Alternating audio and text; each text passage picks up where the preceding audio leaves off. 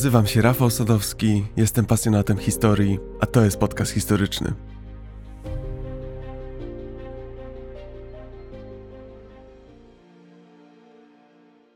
Historia uczy nas, że raz na pewien czas zdarza się epizod, który wymaga postaci wielkiej.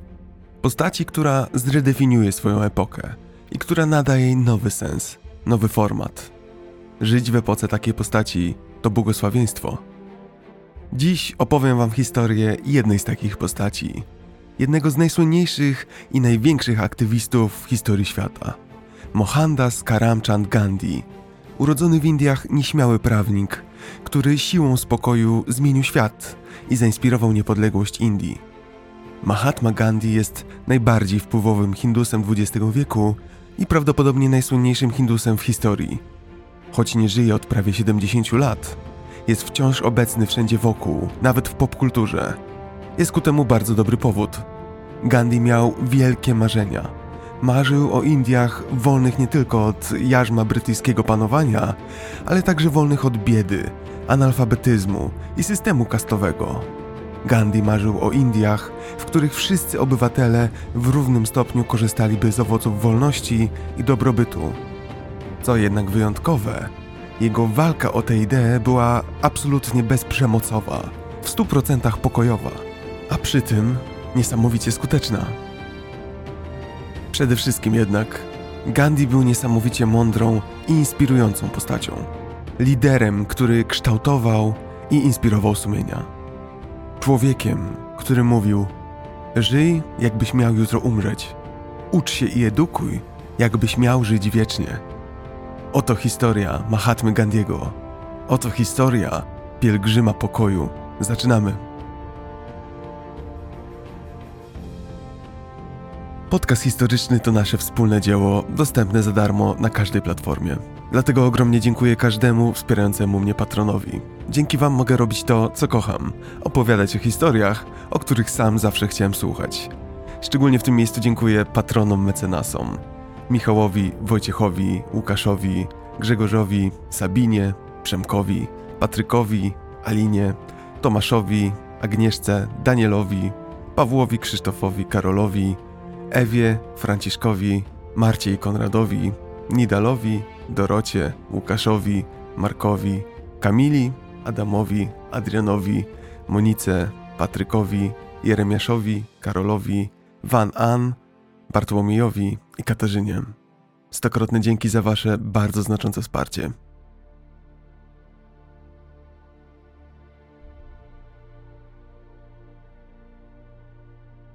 Czy zastanawialiście się kiedyś, czym jest aktywizm? Myślę, że wielu z nas miałby kłopot z przyporządkowaniem siebie do tej kategorii. Istnieje wiele założeń dotyczących tego, jak wygląda aktywizm. Nie każdy jest w stanie przecież zaryzykować aresztowanie, udziały w protestach i tym podobnych. Ale to nie znaczy, że nie jesteśmy aktywistami. Pisanie listów do przywódców, organizowanie strajków, bojkotowanie konsumencko pewnych produktów i firm to wszystko są formy aktywizmu. Nawet jeśli nasze działania są niewielkie, taki mikroaktywizm jest dalej niezwykle ważny, bo może prowadzić i prowadzi do aktywizmu w wielkiej skali. Ruch społeczny potrzebuje bowiem czasu, by się rozwinąć, by nabrać sił. Liczy się każdy nawet mały krok. Aktywizm to podejmowanie działań, które mają na celu zmianę społeczną. I to może się odbywać na wiele różnych sposobów i w wielu różnych formach. Cel jest jeden: zmienić świat. Kierunki przez zmiany społeczne, polityczne, ekonomiczne albo środowiskowe. I tak, Gandhi, bohater dzisiejszego odcinka, zawiesił poprzeczkę aktywizmu naprawdę wysoko. Jego aktywizm sprawił, że do dziś nazywany jest ojcem narodu hinduskiego. Jego wizerunek jest na wszystkich banknotach w Indiach. Urodziny Gandiego są corocznym świętem narodowym, a rocznica jego śmierci jest czczona dwoma minutami narodowej ciszy.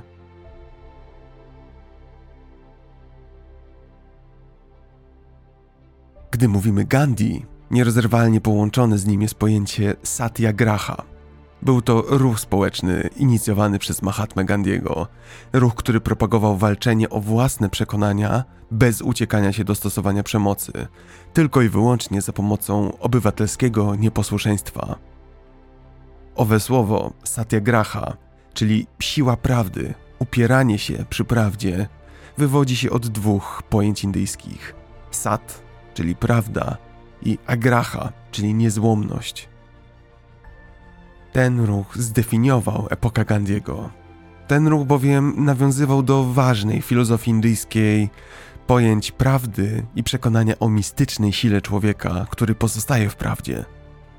Walka takiego człowieka bez użycia przemocy zawsze wykaże moralną wyższość nad brutalną przemocą, aresztowaniami, akcjami policji.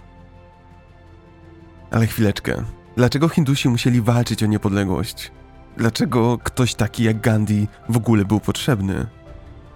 Aby opowiedzieć o Gandhim, aby pojąć jego motywację, musimy najpierw poznać Indię. Indie to kraj dla nas niemal nieznany. Dlatego chciałbym, abyśmy dobrze zrozumieli, jak kształtowały się relacje Europy i Indii na przestrzeni wieków. Skąd w Indiach Brytyjczycy? Dlaczego Hindusi chcieli się wyzwolić? I wreszcie, jaką rolę w tym wszystkim miał Gandhi? Zapraszam Was zatem w krótką podróż na Daleki Wschód.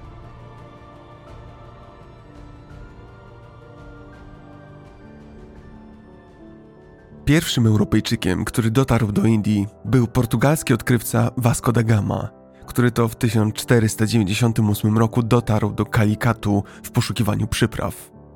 To, co odkrył, zadziwiło go. Hindusi stosowali przyprawy nieznane kompletnie Europejczykom – nie on jeden był historycznie zadziwiony.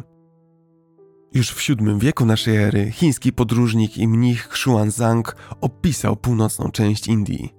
Jego przekaz zachował się do naszych czasów i dał nam obraz zwyczajów na dworze króla indyjskiego.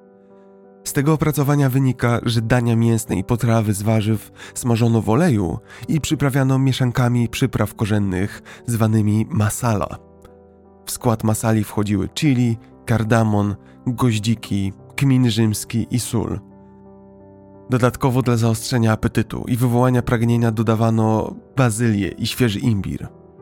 Spożywanie czosnku i cebuli na dworze królewskim, a także w mieście było zaś zabronione. Można je było spożywać tylko poza miastem. Jaki był tego powód? Była to przykra woń tych warzyw, która tłumiła delikatne zapachy innych, cennych przypraw, takich jak właśnie kardamon czy goździki. Owe kulinarne dobrodziejstwa miały zgubny wpływ dla Indii. Na początku XVI wieku przyprawy były bowiem niesamowicie cenne. Do tego stopnia, że ich poszukiwanie i pozyskiwanie było celem tak ambitnym jak dziś odkrywanie kosmosu.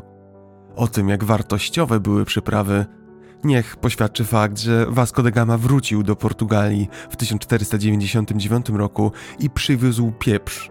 Pieprz, za który opłacił całą wyprawę i z dużą nawiązką. Pomyślcie sobie, ile macie w tej chwili w domu pieprzu. Nawet jeśli to jeden woreczek, to 500 lat temu bylibyście uznawani za bardzo, bardzo zamożnych ludzi. I to właśnie przyprawy stanowiły o zgubie Indii. Nieco ponad 100 lat po Vasco da Gamie Holendrzy i Anglicy założyli placówki handlowe na subkontynencie indyjskim. W ciągu następnych dwóch stuleci Brytyjczycy, którzy wówczas budowali swoje imperium, pokonali militarnie Portugalczyków i Holendrów, ale pozostawali w konflikcie z Francuzami, którzy starali się osiedlić w tej części Azji. Upadek Imperium Mogołów w pierwszej połowie XVIII wieku dał wreszcie Brytyjczykom możliwość ustanowienia mocnego przyczółka w indyjskiej polityce. W późniejszym czasie miała miejsce bitwa pod Plassey, gdzie brytyjska kompania wschodnioindyjska stała się głównym graczem w sprawach indyjskich. Wkrótce potem uzyskała prawa administracyjne nad dalszymi regionami w bitwie pod Buxar w 1764 roku. Niedługo potem Większość południowych Indii znalazła się albo pod bezpośrednimi rządami kompanii, albo pod jej bezpośrednią kontrolą polityczną. O tych wydarzeniach wspominałem szerzej w odcinku o brytyjskiej kompanii wschodnioindyjskiej.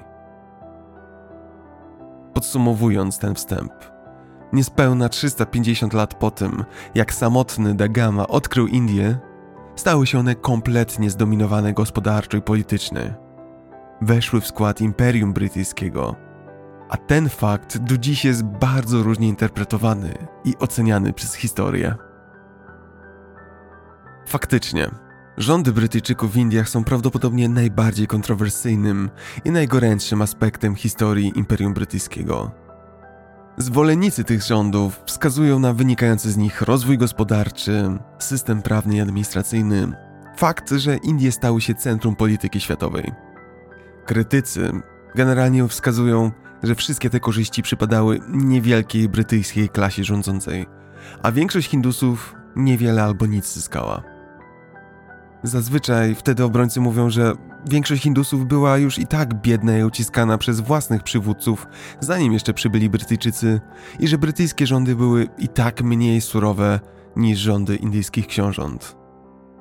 Dlaczego jednak Indie, jako część Imperium Brytyjskiego, do dziś budzą kontrowersje? Imperium Brytyjskie przecież składało się z wielu innych terytoriów. Trudno powiedzieć, ale moim zdaniem głównym powodem jest to, że Indie różniły się od owych innych terytoriów, które tworzyły całe imperium. Na przykład Ameryka Północna i Australia były bardzo słabo zaludnione, a ich populacje były mniej rozwinięte gospodarczo, gdy dotarła tam Wielka Brytania.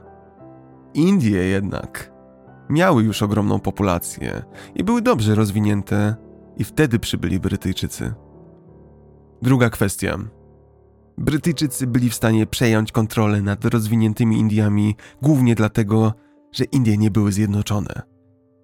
Brytyjczycy podpisywali traktaty i zawierali sojusze wojskowe i handlowe z wieloma niezależnymi państewkami i książętami, którzy to tworzyli Indie. Brytyjczycy w ten sposób stopniowo przejmowali kontrolę. Często zostawiali lokalnych książąt odpowiedzialnych za różne części Indii, Ci lokalni książęta skutecznie utrzymywali brytyjskie rządy w zamian za wymierną wdzięczność Brytyjczyków. Dla łatwiejszego zrozumienia sytuacji w Indiach, wyobraźcie sobie, że na terenie Polski odkrywany jest nowy, rzadki surowiec. Nagle pojawia się globalna korporacja, która zaczyna go wydobywać, eksploatować. Dzięki temu wydobyciu staje się wkrótce tak bogata, że może podporządkować sobie polityków i władzę. Wkrótce ta korporacja może wszystko. Może spełnić każdą waszą zachciankę, a w zamian prosi o wiele różnych przysług, które w ostatecznym rachunku jednak dają jej pełnię władzy. W takim scenariuszu każdy kraj z czasem stanie się de facto platformą pracy, kontrolowaną przez inny, obcy podmiot. Co zrozumiałe, Hindusi nie byli z takiego obrotu spraw zadowoleni. Nie podobało im się, że ich kraj tak diametralnie się zmienił i że przestali mieć wpływ na jego losy. Największy bunt przeciwko rządom brytyjskim miał miejsce w latach 1857-58. W Wielkiej Brytanii było to znane jako bunt indyjski. U nas częściej mówi się o powstaniu Sipajów. To powstanie trwało 18 miesięcy. Brutalne i okrutne były to dni. Indyjscy rebelianci walczyli zaciekle, ale byli źle zorganizowani. Stopniowo wojska brytyjskie wraz z siłami władców indyjskich, którzy stanęli po stronie Brytyjczyków, pokonali powstańców. Istnieje wiele dowodów na to, że zdecydowana większość zwykłych indyjskich chłopów starała się, jak tylko mogła, trzymać się z dala od buntu. Dlaczego? Otóż w tym momencie indyjskiej historii Myśleli oni, i prawdopodobnie słusznie, że ich życie niewiele się już zmieni, niezależnie czy będą nimi rządzić Brytyjczycy, czy też przywódcy indyjscy, którzy próbowali się wówczas pozbyć Brytyjczyków. Po 18 miesiącach siły brytyjskie stłumiły powstanie.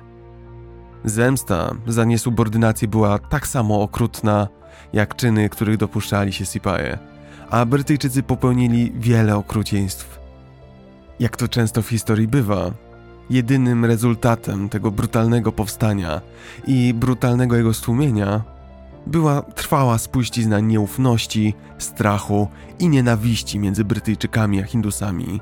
Trwała już ona potem przez cały brytyjski okres rządzenia Indiami. Po buncie rząd brytyjski przejął bezpośrednią kontrolę nad Indiami. Odsunął kompanię wschodnioindyjską od rządzenia. Nastał zatem nowy porządek w Indiach.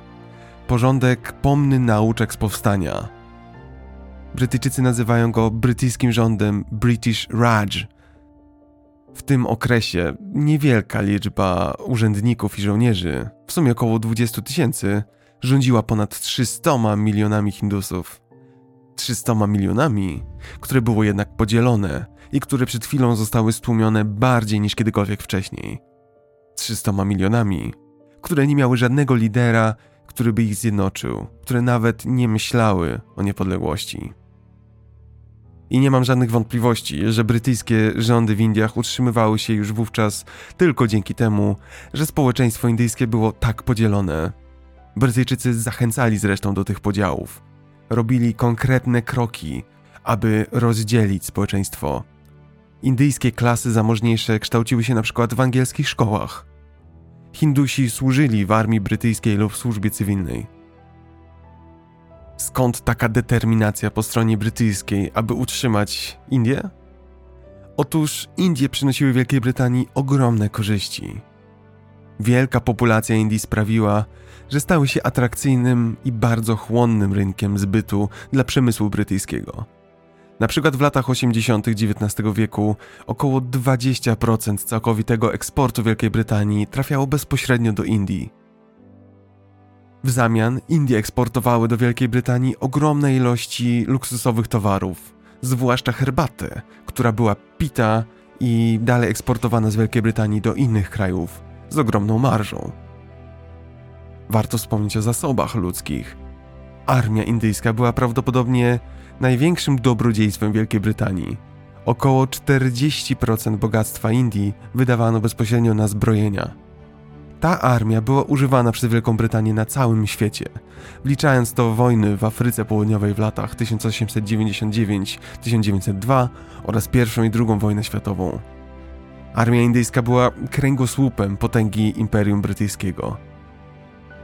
Żeby nie być gołosłownym, na przykład w 1901 roku brytyjski gubernator Indii Lord Curzon powiedział: Dopóki rządzimy Indiami, jesteśmy największą potęgą na świecie. Jeśli je stracimy, od razu spadamy do trzeciej kategorii. Czy Indie zyskały czy straciły na brytyjskich rządach? To ciągle przedmiot sporów. Na pewno zyskała Wielka Brytania, ale większość uzyskanego i stworzonego bogactwa nie była inwestowana z powrotem w Indiach.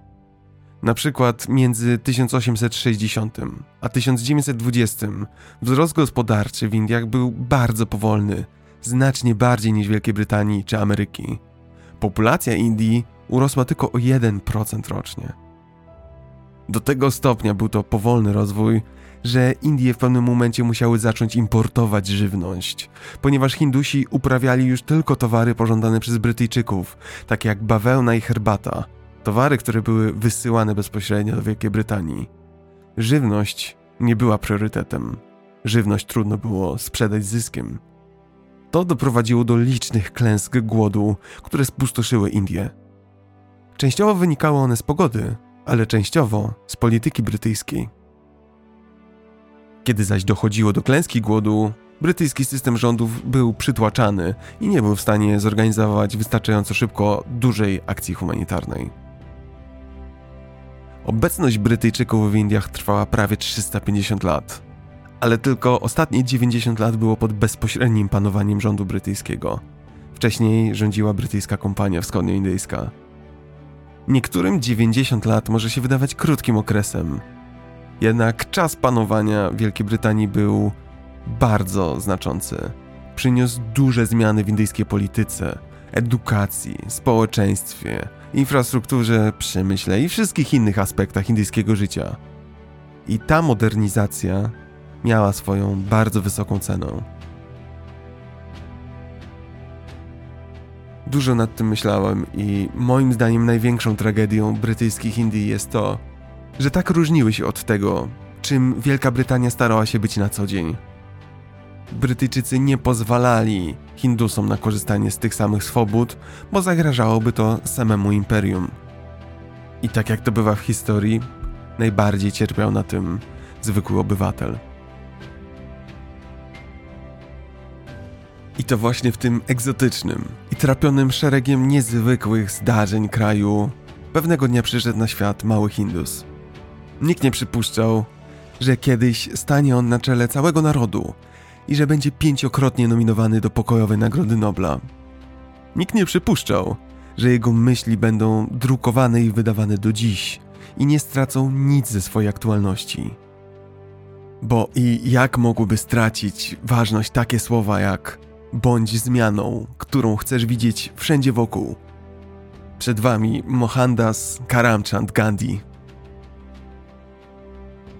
Mohandas Gandhi urodził się 2 października 1869 roku w Porbandar, nadmorskim miasteczku na półwyspie Kathiawar.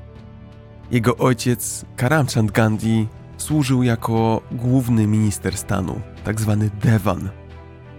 Ojciec Gandhiego, choć miał tylko podstawowe wykształcenie i wcześniej był urzędnikiem w szeregowej administracji państwowej, okazał się być zdolnym ministrem. Karamchand senior ożenił się cztery razy. Jego dwie pierwsze żony zmarły młodo, po tym jak każda rodziła córkę. Trzecie małżeństwo było zaś bezdzietne. W 1857 roku Karamchand starał się o pozwolenie swojej trzeciej żony na ponowne małżeństwo. Po jej uzyskaniu ponownie ożenił się. Karamchand i jego nowa żona Putlibai doczekali się trójki dzieci. 2 października 1869 roku zaś w ciemnym, pozbawionym okien pokoju na parterze w domu Gandhich Putlibaj urodziła swoje ostatnie, czwarte dziecko. Mohandasa właśnie. Jako dziecko Gandhi został opisany przez swoją siostrę jako bawiący się wszystkim wokół i nieustannie wędrujący z miejsca na miejsce.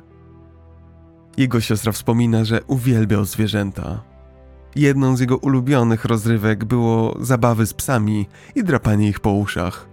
Psy go wprost uwielbiały. Gandhi był jednak bardzo nieśmiały wobec rówieśników. Raczej nie bawił się z kolegami, nie lubił gier zespołowych, za to na okrągło prosił rodziców, aby opowiadać mu indyjskie baśnie. Sam nie umiał jeszcze czytać. Najbardziej upodobał sobie historię o Shavran Kumar i o królu Haris Chandra – Obie te historie wywarły wielki wpływ na Gandiego w jego dzieciństwie. W swojej autobiografii przyznaje, że zostawiły one niezatarte wrażenie w jego umyśle. Napisał: Te baśnie mnie ukształtowały. Idę o zakład, że nie znacie tych hinduskich baśni. Zresztą ja też pierwszy raz o nich usłyszałem dopiero czytając o Gandim. Nie są one dostępne po polsku, a uważam je za naprawdę niesamowite i tak odmienne od naszych europejskich. Dlatego przetłumaczyłem je dla Was. Myślę, że będą bardzo pomocne w zrozumieniu, co kształtowało Gandiego i co na niego wpływało. Posłuchajcie. Życie Shravan Kumar. Dawno temu żył chłopiec o imieniu Shravan Kumar. Oboje jego rodzice byli niewidomi, Musiał opiekować się nimi i wykonywać wszelkiego rodzaju prace przez cały dzień. Jego rodzice nie widzieli tego, ale wykonywał całą ich pracę. Był bardzo odpowiedzialnym synem i z pełnym zapałem i odpowiedzialnością wykonywał wszystkie z życzeń rodziców. Zawsze z zapałem. Wkrótce jego rodzice poprosili, aby udali się na pielgrzymkę. Shravan bardzo się ucieszył. Wyruszyli zatem w podróż. Podczas podróży Shravan Kumar ofiarował rodzicom trochę owoców z lasu. Wkrótce weszli jeszcze dalej w głąb lasu w Ajoji. Wtedy to poczuli się bardzo spragnieni i poprosili Shravana o wodę, aby ugasić pragnienie. Shravan zostawił rodziców na polanie i udał się nad rzekę, aby przynieść świeżą wodę. W tym samym czasie w tym lesie przebywał król Dashrat i uczestniczył w polowaniu. Król ten miał wrodzoną umiejętność polowania. Strzelał na słuch, nawet z wielu kilometrów, jak tylko usłyszał dźwięk. Zawsze trafiał, nie musiał widzieć celu. Wystarczyło, że zwierzyna zaszeleściła w liściach albo zaczęła pić wodę. W tym czasie nieszczęsny szrawan odnalazł rzekę i zanurzył w niej naczynie, by zebrać wodę. a to wywołało dźwięk. Słysząc dźwięk wody, Dashrat pomylił go z odgłosem jelenia pijącego. Wycelował strzałę w miejsce, z którego dochodził dźwięk i wystrzelił. Strzała przeszyła powietrze i wbiła się prosto w klatkę piersiową Shravana Kumar. Krzyczał z bólu i upadł na ziemię, jeszcze żywy. Krzyki nie umknęły uszom Dashrat. Natychmiast dotarł na miejsce i zobaczył chłopca płaczącego z bólu. Król Dashrat zauważył leżące obok niego naczynie, a chłopiec cały był już pokryty błotem i krwią. Po zobaczeniu tego widoku król zaczął przeklinać sam siebie. Wtedy to ranny Śrawan dostrzegł króla. Drżącym głosem powiedział, żeby się nie martwił. Powiedział, że przyszedł nad rzekę po wodę dla swoich spragnionych, niewidomych rodziców. Poprosił króla, aby ten wyciągnął strzałę, która go przebiła, aby zostawił go na śmierć, ale zaniósł wodę jego rodzicom, jako ostatni podarunek syna dla rodziców. Król wyciągnął strzałę i wziął wodę dla rodziców Szrawana. Wkrótce dotarł do niewidomych, którzy czekali na syna na polanie. Zaofiarował wodę rodzicom, jednak ci odmówili jej wzięcia i poprosili go o ujawnienie swojej tożsamości. Wtedy to powiedział on, że jest królem i że niechcący zabił ich syna. Słysząc to, rodzice popadli w rozpacz. Poprosili króla, aby ten zabrał ich do ich syna. Król zgodził się i wkrótce dotarli do miejsca, gdzie leżał Szrawan. Ku ich zaskoczeniu, Śrawan Kumar wciąż jeszcze żył. Gdy zobaczył swoich rodziców, ostatnim tchnieniem powiedział, że ma dla nich miejsce w niebie i poczeka tam na nich, aż oboje tam dołączą, aby znów mógł im pomagać i prowadzić na spacery po lesie. Rodzice jednak nie chcieli żyć bez syna. Oboje weszli do świętej rzeki i utonęli. Jednak przed samą śmiercią przekleli króla Dashrata za zabicie ich syna. Powiedzieli, że tak jak ich życie straciło sens bez syna, tak król pewnego dnia poniesie te same konsekwencje za swoją lekkomyślność na polowaniu. Też umrze z powodu straty syna. Klątwa okazała się prawdziwa, a za parę lat król Dashrat również umarł z bólu i żałoby po swoim synu. Druga ulubiona opowieść Gandhiego to opowieść o królu Harishchandra. Dorosły już Gandhi dalej przyznawał się, że czytanie tej historii sprawia, że płacze. Mówił, że znoszenie smutku, tak jak Harishchandra, i pozostawanie przy tym prawdomównym i wiernym swoim ideałom jest prawdziwą prawdą. Oto zatem i ta opowieść. Był kiedyś wielki król imieniem Harishchandra, który nigdy nie kłamał i zawsze dotrzymywał swoich obietnic. Mądrze rządził swoim królestwem. Jego poddani byli szczęśliwi i dostatni. Był wszemi wobec znany ze swojej prawdomówności. Bogowie postanowili zatem go przetestować.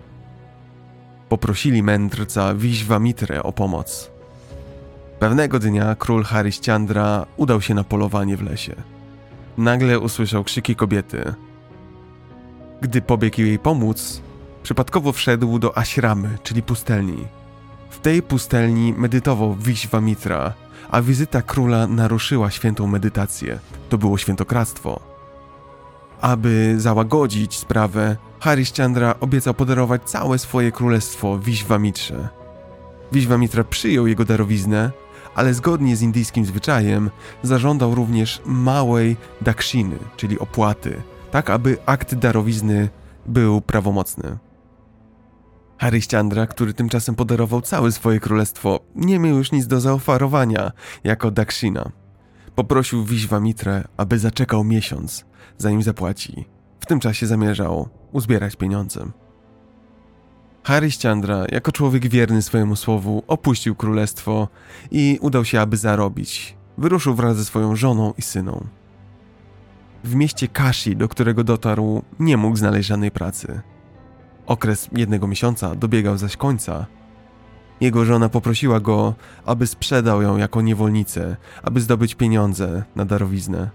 Harishchandra niechętny, ale zmuszony był sprzedać żonę Braminowi. Wtedy jednak jego syn zaczął płakać.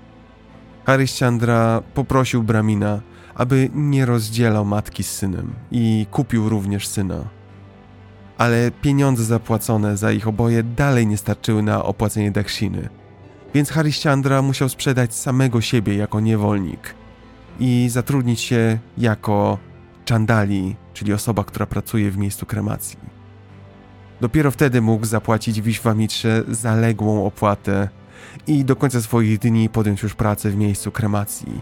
A kremowanie zwłok było zajęciem wykonywanym przez najniższe indyjskie kasty. Król był jednak gotów na takie poświęcenie, bo dał słowo, że zapracuje na opłatę od darowizny i słowa dotrzymał. Los jednak dalej szykował niespodzianki. Pewnego dnia, gdy syn króla zrywał kwiaty dla swojej mamy, ukąsił go wąż. Po chwili syn umarł. Zrozpaczona żona zabrała ciało syna na miejsce kremacji. Harishchandra, widząc swojego martwego syna, rozpłakał się. Aby dokonać kremacji, potrzebne były pieniądze, których nie mieli. Żona powiedziała: Jedynym posiadanym przeze mnie mieniem jest to stare znoszone sari, które mam na sobie. Niechaj ono będzie opłatą. Harishchandra zgodził się sprzedać sari. Zrozpaczeni i nadzy rodzice, którym nie zostało już nic, postanowili oddać swoje życie na ogniu kremacyjnym syna. Stanęli na kopcu i rozpoczęli podkładanie ognia pod samymi sobą. Wtedy sam Wisznu pojawił się wraz ze wszystkimi innymi bogami i przywrócił syna do życia. Harishchandra i jego rodzina zdali test, wykazali się wielką cnotą i prawością. Wszyscy bogowie im błogosławili. Bogowie poprosili Harishchandrę, aby jako godny królewskiego miana poszedł z nimi do nieba. Ten jednak odmówił, mówiąc, że nie może iść do nieba, kiedy jego poddani będą cierpieć. Poprosił Indrę, aby zabrał wszystkich poddanych do nieba zamiast niego. Indra powiedział, że nie jest to możliwe, ponieważ ludzie idą do piekła lub nieba, w zależności od swoich uczynków. Harishchandra powiedział wtedy, że oto przekazuje wszystkie swoje cnoty poddanym, aby mogli już pójść do nieba, a on będzie ponosić konsekwencje ich grzechów tu, na ziemi. Widząc miłość Harishchandry do swoich poddanych, bogowie byli zadowoleni. Zabrali do nieba wszystkich mieszkańców. Zabrali też króla i jego żonę, a syn został na ziemi, aby kontynuować dzieło prawdomównego i cnotliwego ojca. Prawda, jak różne są to baśnie, gdy zestawi się je z tymi europejskimi? Jest to tym bardziej ciekawe, że Gandhi wychowywał się w bardzo religijnej rodzinie. Gandhi był pod głębokim wpływem swojej matki, niezwykle pobożnej kobiety, która nie jadła posiłku, zanim nie złożyła modlitwy. W różnych intencjach składała różne, najtrudniejsze śluby i zawsze je dotrzymywała.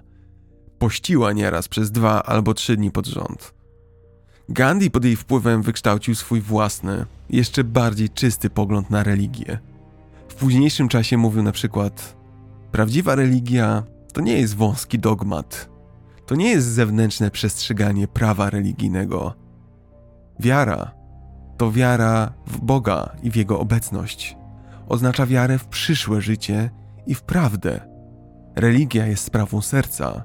Żadne fizyczne niedogodności nie mogą uzasadniać porzucenia własnej religii.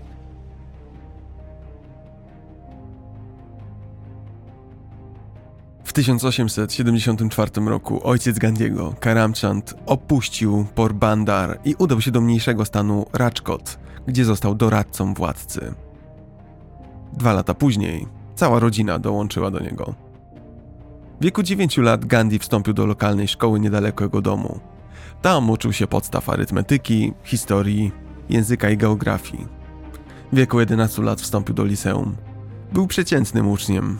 Zdobył kilka wyróżnień, ale był nieśmiały. Nie interesował się grami, a jego jedynymi towarzyszami były książki i zajęcia szkolne.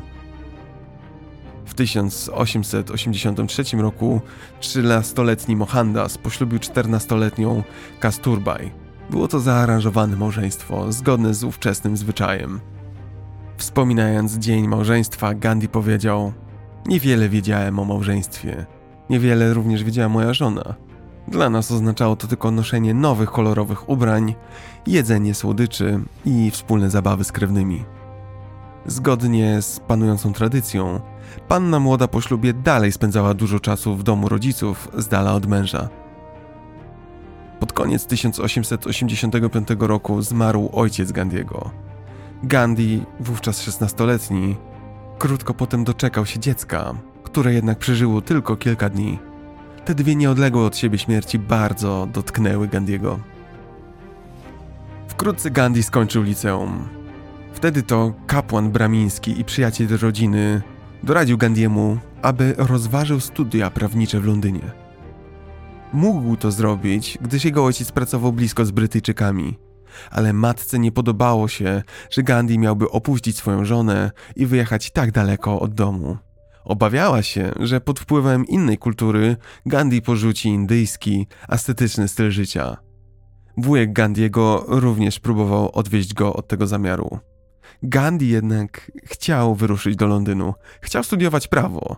Ta ścieżka kariery bardzo odpowiadała jego charakterowi. Aby przekonać żonę i matkę, Gandhi złożył uroczystą przysięgę, że powstrzyma się od jedzenia mięsa, od alkoholu i od kobiet. Przysięga wegetarianizmu towarzyszyła Gandhiemu całe życie.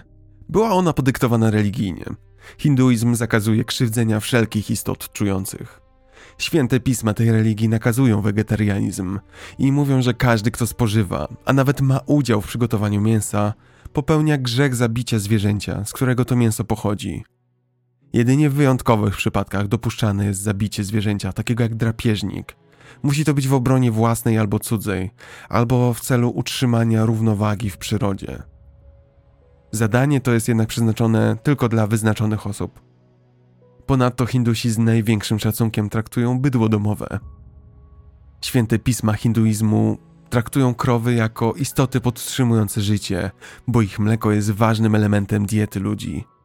Religia hinduistyczna zakazuje spożywania wołowiny i zdecydowana większość hinduistów tego unika. Obecnie nawet ubój krów jest zakazany w większości indyjskich stanów. Gandhi swoją przysięgę przemyślał i dobrze ugruntował wewnętrznie. Wegetarianizm wkrótce miał stać się jedną z jego doktryn, do tego stopnia, że stanie się symbolem wegetarian na całym świecie i będzie mówił takie rzeczy jak miarą rozwoju narodu jest to, jak ten naród traktuje zwierzęta. Im bardziej bezbronne jest stworzenie, tym bardziej człowiek powinien je chronić. W świetle tych przysięg pozwolono Gandiemu na wyjazd i udzielono błogosławieństwa. 4 września wypłynął z Bombaju do Londynu. Wyruszmy zatem wspólnie rozpocząć londyński etap życia Gandiego. Etap, który ukształtuje go na dalszą przyszłość. Gandhi rozpoczął studia prawnicze w University College w Londynie. Jego nieśmiałość i wycofanie z dzieciństwa trwały jednak dalej. Wciąż miał te przywary, gdy przybył do Londynu, ale wiedział, że jako prawnik musi zacząć je przezwyciężać. Dołączył zatem do grupy praktykującej wystąpienia publiczne i dzień po dniu ćwiczył mowy. Dalej miał jednak z tym ogromne kłopoty. Nie potrafił konstruować dłuższych myśli. Nie potrafił wypowiadać się tak, by przekonywać innych. Szybko się peszył, szybko tracił trop. To całkiem zabawne myśleć o tych wszystkich przeszkodach w przemawianiu, kiedy wiemy, jak dobrym mówcą finalnie był Gandhi. Ci, którzy mieli okazję słyszeć go na żywo, mówili, że choć zwracał się do tysięcy, to miało się wrażenie, że mówi bezpośrednio do ciebie. Faktycznie, za jakiś czas ten nieśmiały student będzie do tysięcy słuchaczy wypowiadać na przykład takie zwroty. Pilnuj swoich myśli, ponieważ stają się one słowami. Pilnuj słów, bo staną się twoimi czynami. Rozważaj i osądzaj swoje czyny, gdyż staną się twoimi nawykami. Oceniaj swoje nawyki, bo nawyki stają się twoimi wartościami. Wreszcie zrozum swoje wartości, bo staną się one twoim przeznaczeniem. Zastanawiam się, czy Gandhi musiał po prostu poczuć powołanie, poczuć wzew wolności indyjskiej, aby przezwyciężyć swoje wrodzone kłopoty z przemawianiem, swoją nieśmiałość. To całkiem niesamowite i bardzo inspirujące. Ta ścieżka, ta transformacja, którą przeszedł. Podczas swojego pobytu w Londynie Gandhi wykazywał żywe zainteresowanie dobrostanem społeczności doków w Londynie. W 1889 roku na przykład wybuchł zaciekły spór handlowy, kiedy to dokerzy strajkowali. Chcieli uzyskać lepsze zarobki i warunki pracy. Wtedy to marynarze solidarnie przyłączyli się do strajku. Strajkujący odnieśli sukces, po części dzięki mediacjom kardynała Manninga. Ku zaskoczeniu wielu, Gandhi wtedy osobiście wyruszył do kardynała i podziękował mu za pracę o lepsze jutro. A przecież ten strajk dotyczył ludzi z zupełnie innego kręgu kulturowego. Gandhi w żaden sposób nie był związany z dokerami. To trochę tak jakby po strajku w jednej z polskich fabryk podziękowanie związkom zawodowym złożył przebywający w Polsce od kilku tygodni i obserwujący to wszystko imigrant z Tajlandii. Jak widać, Gandhi łączył obowiązki studenta prawa z zaangażowaniem w wiele, wiele inicjatyw. Tak właśnie zaczął rodzić się aktywizm Gandhiego. Gandhi w Londynie próbował przejąć angielskie zwyczaje, na przykład brać lekcje tańca. Jednak miał duży problem z jedzeniem. Kompletnie nie smakowało mu mdłe, niedoprawione wegetariańskie jedzenie, szykowane przez jego angielską gospodynię. Często zatem chodził głodny. Dopóki jednak nie znalazł jednej z niewielu wówczas restauracji wegetariańskiej w Londynie. Pod wpływem artykułów Henry'ego Solta wstąpił do London Vegetarian Society i szybko został wybrany do komitetu wykonawczego. London Vegetarian Society rządzone było przez prezesa Arnolda Hillsa. Gandhi miał przyjacielskie i owocne relacje z prezesem. Wkrótce jednak okazało się, że Gandhi i Hills mieli inny pogląd na powstający spór dotyczący członkostwa w London Vegetarian Society niejakiego Thomasa Allisona. Ten spór to pierwszy historycznie znany przykład tego, że Gandhi zakwestionował autorytet pomimo swojej nieśmiałości i niechęci do jakichkolwiek konfrontacji. Jaka była przyczyna kłótni między członkami londyńskiego społeczeństwa wegetariańskiego? Otóż Allison, prócz wegetarianizmu, promował antykoncepcję. A prezes Hills uważał, że wegetarianizm to ruch moralny i dlatego Allison nie może już dłużej pozostawać członkiem Vegetarian Society, gdyż jest wewnętrznie sprzeczny sam ze sobą. Gandhi podzielał poglądy prezesa na temat niebezpieczeństw związanych z kontrolą urodzeń, ale jednocześnie za wyższą wartość uważał prawo Alisona do innego zdania. Wkrótce zatem doszło do sporu wewnątrz London Vegetarian Society. Z jednej strony stała większość członków, na czele z prezesem Hillsem, a z drugiej nieliczni broniący Alisona, na czele z młodym Gandhim. Gandhiemu trudno było przeciwstawić się prezesowi, Hills był 12 lat starszy i bardzo elokwentny. Finansował Vegetarian Society. Był także dyrektorem w filmie Thames Iron Works, zatrudniającej ponad 6 tysięcy osób. Był także utalentowanym sportowcem, który miał swój własny klub piłkarski West Ham United. Wspominając tę konfrontację w swojej autobiografii w 1927 roku Gandhi pisał: To było niesamowicie ciekawe starcie. Miałem wielki szacunek dla pana Hillsa i jego hojności.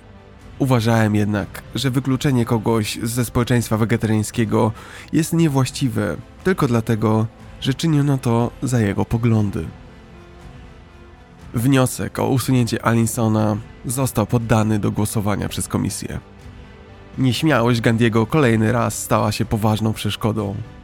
Gdy przyszła jego kolej na przedstawienie obrony, Młody Mohandas zapisał swoje przemówienie na kartce, ale nie był w stanie go odczytać, nie był w stanie wykształcić więcej niż kilku słów naraz. Zniecierpliwiony Hills poprosił innego członka komisji, aby odczytał obronę Gandiego. Chociaż niektórzy inni członkowie zgodzili się z Gandim, to przez sposób w jaki ta obrona była przedstawiona i wygłoszona, głosowanie zostało przegrane, a Alison został wykluczony z towarzystwa co warto wspomnieć, to wszystko działo się z brytyjską elegancją. Nikt się na nikogo nie obraził, a Hills zaproponował pożegnalny toast. Tym niemniej Gandhi czuł się fatalnie. Miał dobre argumenty na obronę Alisona, argumenty, których nie potrafił przedstawić. Jego nieśmiałość spowodowała, że ktoś musiał opuścić drogie mu towarzystwo wegetariańskie. Gandhi nie zrażał się. Dalej pilnie uczył się prawa, studiował przepisy i wierzył, że siła argumentu zwycięży nad formą jego przedstawienia. Uporem i pracą dowiódł swego. W wieku 22 lat zdał egzaminy i został uprawniony do występowania jako adwokat. Następnie wyjechał z Londynu do Indii w 1891 roku. Tam otrzymał fatalną wiadomość. Dowiedział się, że jego matka zmarła podczas jego trzyletniego pobytu w Londynie, a cała rodzina ukrywała przed nim tę wiadomość, gdyż chcieli, aby nie przerywał studiów. To jednak nie koniec niepowodzeń. Próby Gandiego w zakładaniu kancelarii prawnej w Bombaju nie powiodły się, bo choć znał prawo, to mentalnie nie był w stanie działać jak rasowy prawnik. Nie potrafił docisnąć świadków. Peszył się, zadając pytania. Był też zbyt wrażliwy w stosunku do spraw, które prowadził. Po tym zawodowym fiasku wrócił do Rashkot, aby zarabiać na skromne życie, redagując pisma prawne. Ale został zmuszony do zaprzestania jakiejkolwiek działalności prawniczej, gdy popadł w konflikt z brytyjskim oficerem Samem Sunny. Wydawało się, że cała nauka na marne. Gandhi ostatecznie wrócił tam, gdzie zaczynał. Zdobył ogromne wykształcenie, z którego nie mógł korzystać. Załamany? Myślę, że to mało, aby określić, jak się wtedy czuł. Los szykował jednak wreszcie niespodziankę. W 1893 roku muzułmański kupiec o imieniu Dada Abdullah skontaktował się z Gandhim. Abdullah był właścicielem dużego, odnoszący sukcesy przedsiębiorstwa transportowego w Afryce Południowej. Jego kuzyn z Johannesburga potrzebował prawnika do kilku bieżących spraw. Gandhi zapytał o wynagrodzenie za pracę. Zaoferowano mu łączną pensję w wysokości 105 funtów brytyjskich, czyli około 80 tysięcy złotych w przeliczeniu na dzisiejsze. Gandhi przyjął propozycję bez wahania, choć Afryka wydawała się być bardzo daleko. Wyruszmy zatem z Gandhim do południowej Afryki. To bardzo ważny fragment jego życiorysu. To tam po raz pierwszy zacznie on walkę o prawa człowieka. Tam ukształtują się jego poglądy na bierny opór. To wreszcie tam rozpocznie się finalna przemiana nieśmiałego adepta prawa w lidera, w postać, którą będziemy znać po dziś dzień. W kwietniu 1893 roku 23-letni wówczas Gandhi dopłynął do RPA. Natychmiast po przybyciu, ku jego niemiłemu zaskoczeniu, spotkał się z dyskryminacją ze względu na swój kolor skóry i pochodzenie, podobnie jak wówczas wszystkie mniejszości rasowe w południowej Afryce. Nie pozwolono mu siadać z europejskimi pasażerami w dyliżansach, kazano mu siadać na podłodze obok kierowcy. Raz nawet pobito go, gdy tego odmówił. W innym incydencie nakazano mu zdjęcie turbanu, czego odmówił. Jeszcze innym razem Gandhi został bez ostrzeżenia zrzucony przez policjanta z chodnika na ulicę. Hindusi nie mogli bowiem chodzić po chodnikach. Wreszcie pewnego razu został wyrzucony z pociągu po odmowie opuszczenia wagonu przeznaczonego dla białych. Wtedy to właśnie siadł na stacji kolejowej, dygocząc z zimna przez całą noc i zastanawiał się, czy powinien wrócić do Indii, czy zacząć protestować w obronie swoich praw. Myśli kotłowały się w jego głowie, ale to właśnie ten moment był decydujący. Zdecydował się zaprotestować i następnego dnia po raz pierwszy głośno i dobitnie wyraził swoje zdanie. Po raz pierwszy w życiu. Po raz pierwszy w życiu to, w co wierzył, stanowiło jedność z tym, co głosił. Zaczął domagać się równych praw. Był tak uparty i tak długo nie pozwalał na odjazd kolejnego pociągu, że z bezsilności pozwolono mu do niego wejść. Podczas tej podróży wiele myślał. Był z jednej strony oszołomiony tym, że słowem zmienił rzeczywistość go otaczającą, ale z drugiej strony zaczął czuć wewnętrzny konflikt. Jeszcze kilka tygodni wcześniej, kiedy przybywał do południowej Afryki, uważał siebie niemal za brytyjskiego Hindusa. Jednak uprzedzenia wobec niego jego rodaków, który Gandhi doświadczał i obserwował, głęboko go niepokoiły. Nie potrafił zrozumieć, jak niektórzy ludzie mogą odczuwać honor, wyższość albo przyjemność w tak nieludzkich praktykach wobec drugiego człowieka. To sprawiło, że Gandhi zaczął kwestionować pozycję Hindusów pod rządami brytyjskich. W międzyczasie sprawa Abdullaha, która to przywiodła go do południowej Afryki, zakończyła się w maju 1894 roku, a Gandhi powoli przygotowywał się do powrotu do Indii. Wtedy jednak rząd afrykański przedstawił nowy projekt ustawy zabraniający Hindusom głosowania w wyborach. To doprowadziło do decyzji Gandiego o przedłużeniu swojego pobytu w RPA. Planował pomóc Hindusom w sprzeciwieniu się ustawie. Z jednej strony poprosił Josepha Chamberlaina, brytyjskiego sekretarza kolonialnego, aby ten ponownie rozważył swoje stanowisko w sprawie tej ustawy. Kupując sobie trochę czasu, Gandhi rozpoczął tworzenie organizacji, która miała zrzeszać afrykańskich Hindusów. Pomógł założyć Hinduski Kongres Natalu w 1894 roku i poprzez tę organizację zaczął kształtować indyjską społeczność RPA w zjednoczoną siłę polityczną. Gandhi odnalazł swój cel w walce o prawa w południowej Afryce. W styczniu 1897 roku, czyli trzy lata po tych zdarzeniach, odwiedził Durban i tam zaatakował go tłum białych osadników. Gandhiemu udało się uciec tylko dzięki wysiłkom żony inspektora policji. Jednak później zdarzyła się rzecz niebagatelna. Gandhi odmówił wniesienia oskarżenia przeciwko komukolwiek z tłumu, który go zaatakował. To jeden z momentów, których w późniejszym życiu Gandiego będzie coraz więcej. Nie chciał rewanżu, nie chciał się na nikim mścić, chciał po prostu zmiany. Gdy wybuchła wojna burska, Gandhi zgłosił się na ochotnika w 1900 roku. Chciał stworzyć grupę indyjskich medyków polowych. Chciał w ten sposób obalić imperialny brytyjski stereotyp, że Hindusi nie nadają się do męskich, bojowych działań. Wojny burskie i RPA to temat na odrębny odcinek.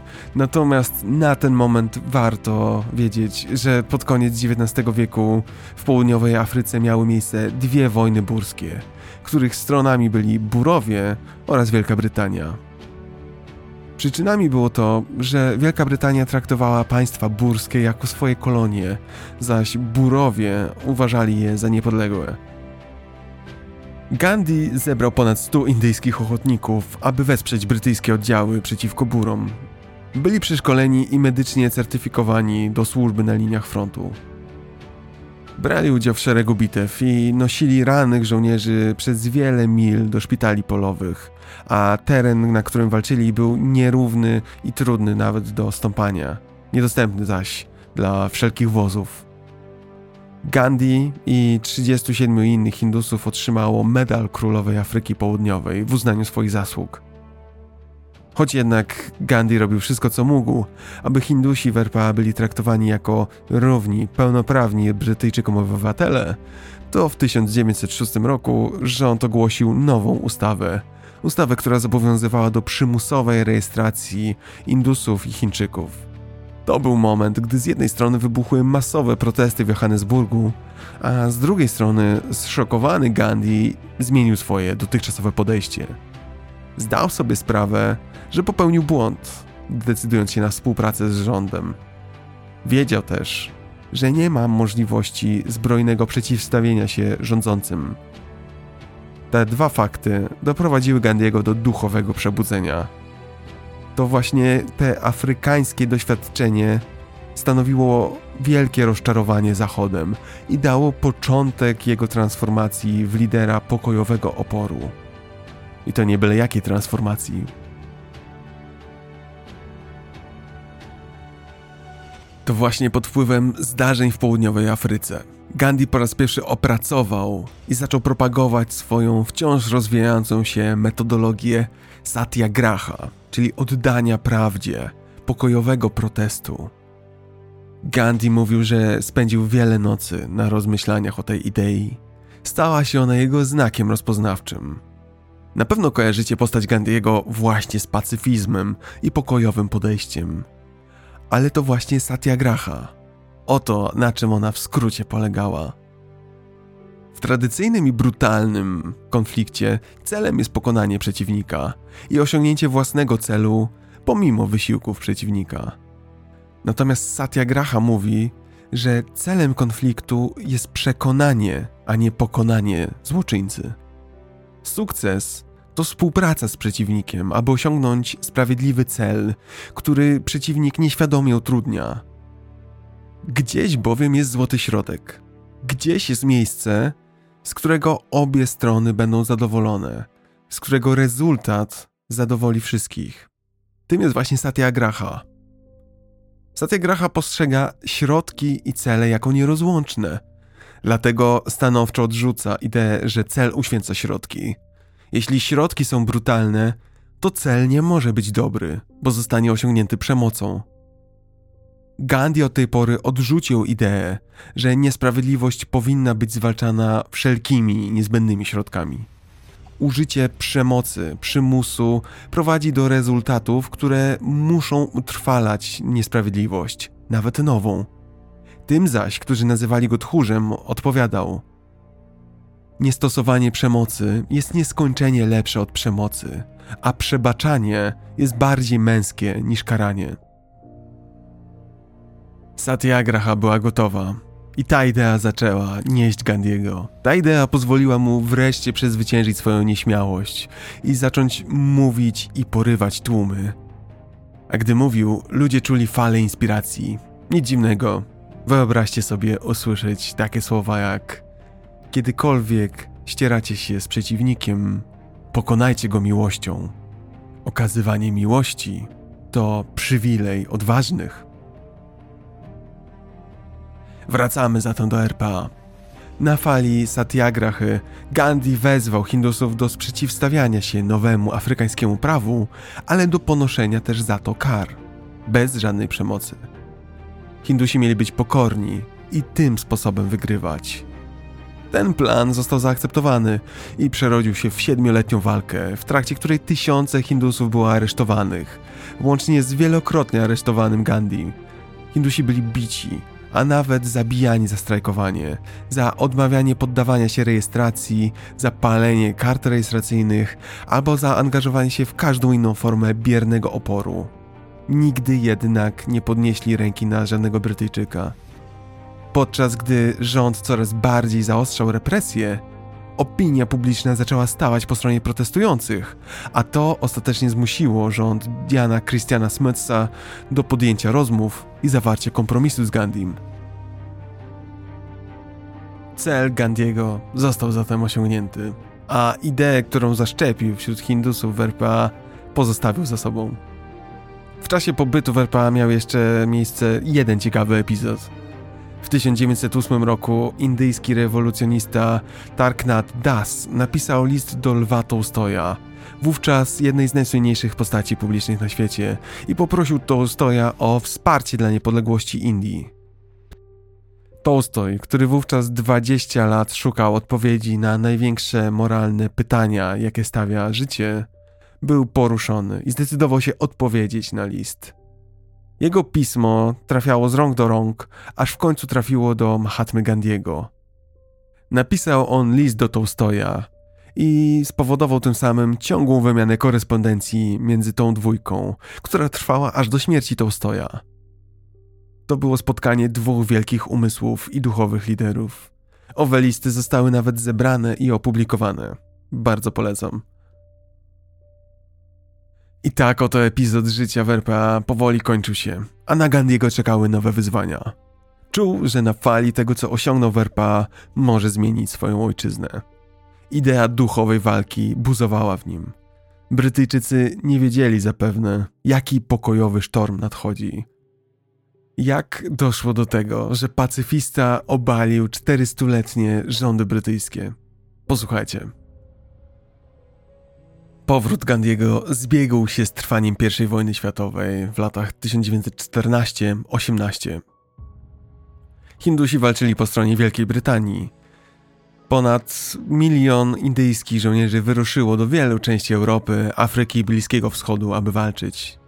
Wielu Hindusów, w tym książęta i bogaci mieszkańcy Indii, przekazywało pieniądze i materiały na wydatki wojenne Wielkiej Brytanii.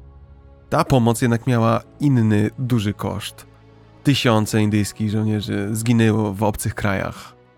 Na domiar złego w tym czasie w Indiach rozprzestrzeniła się grypa hiszpanka, siejąc spustoszenie. Na skutek wojny oraz kryzysu w Indiach bardzo wzrosły podatki, tym samym ceny. Nastroje ponownie zaczęły się psuć, tak jak to niegdyś bywało przed powstaniami. I właśnie wtedy do Indii wrócił Gandhi, który wówczas miał już renomę czołowego indyjskiego inspiratora, teoretyka i organizatora społeczności. Gandhi szybko dołączył do Indyjskiego Kongresu Narodowego i został wprowadzony w bieżące sprawy indyjskie przez Gopala Krishnę Gokale.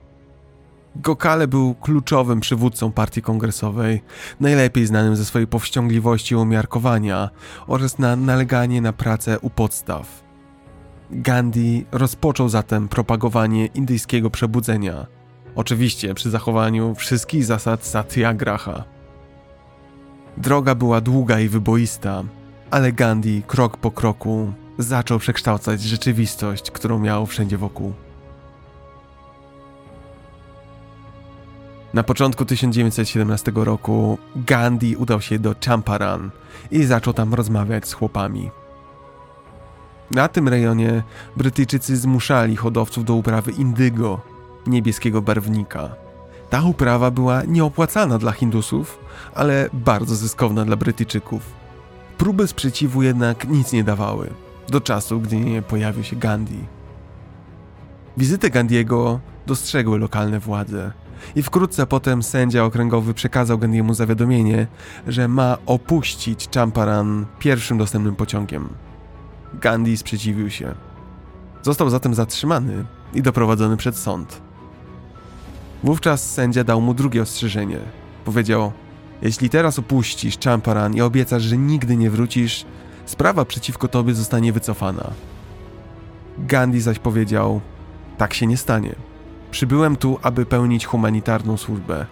Uczynię Champaran moim domem i będę pracować dla cierpiących ludzi.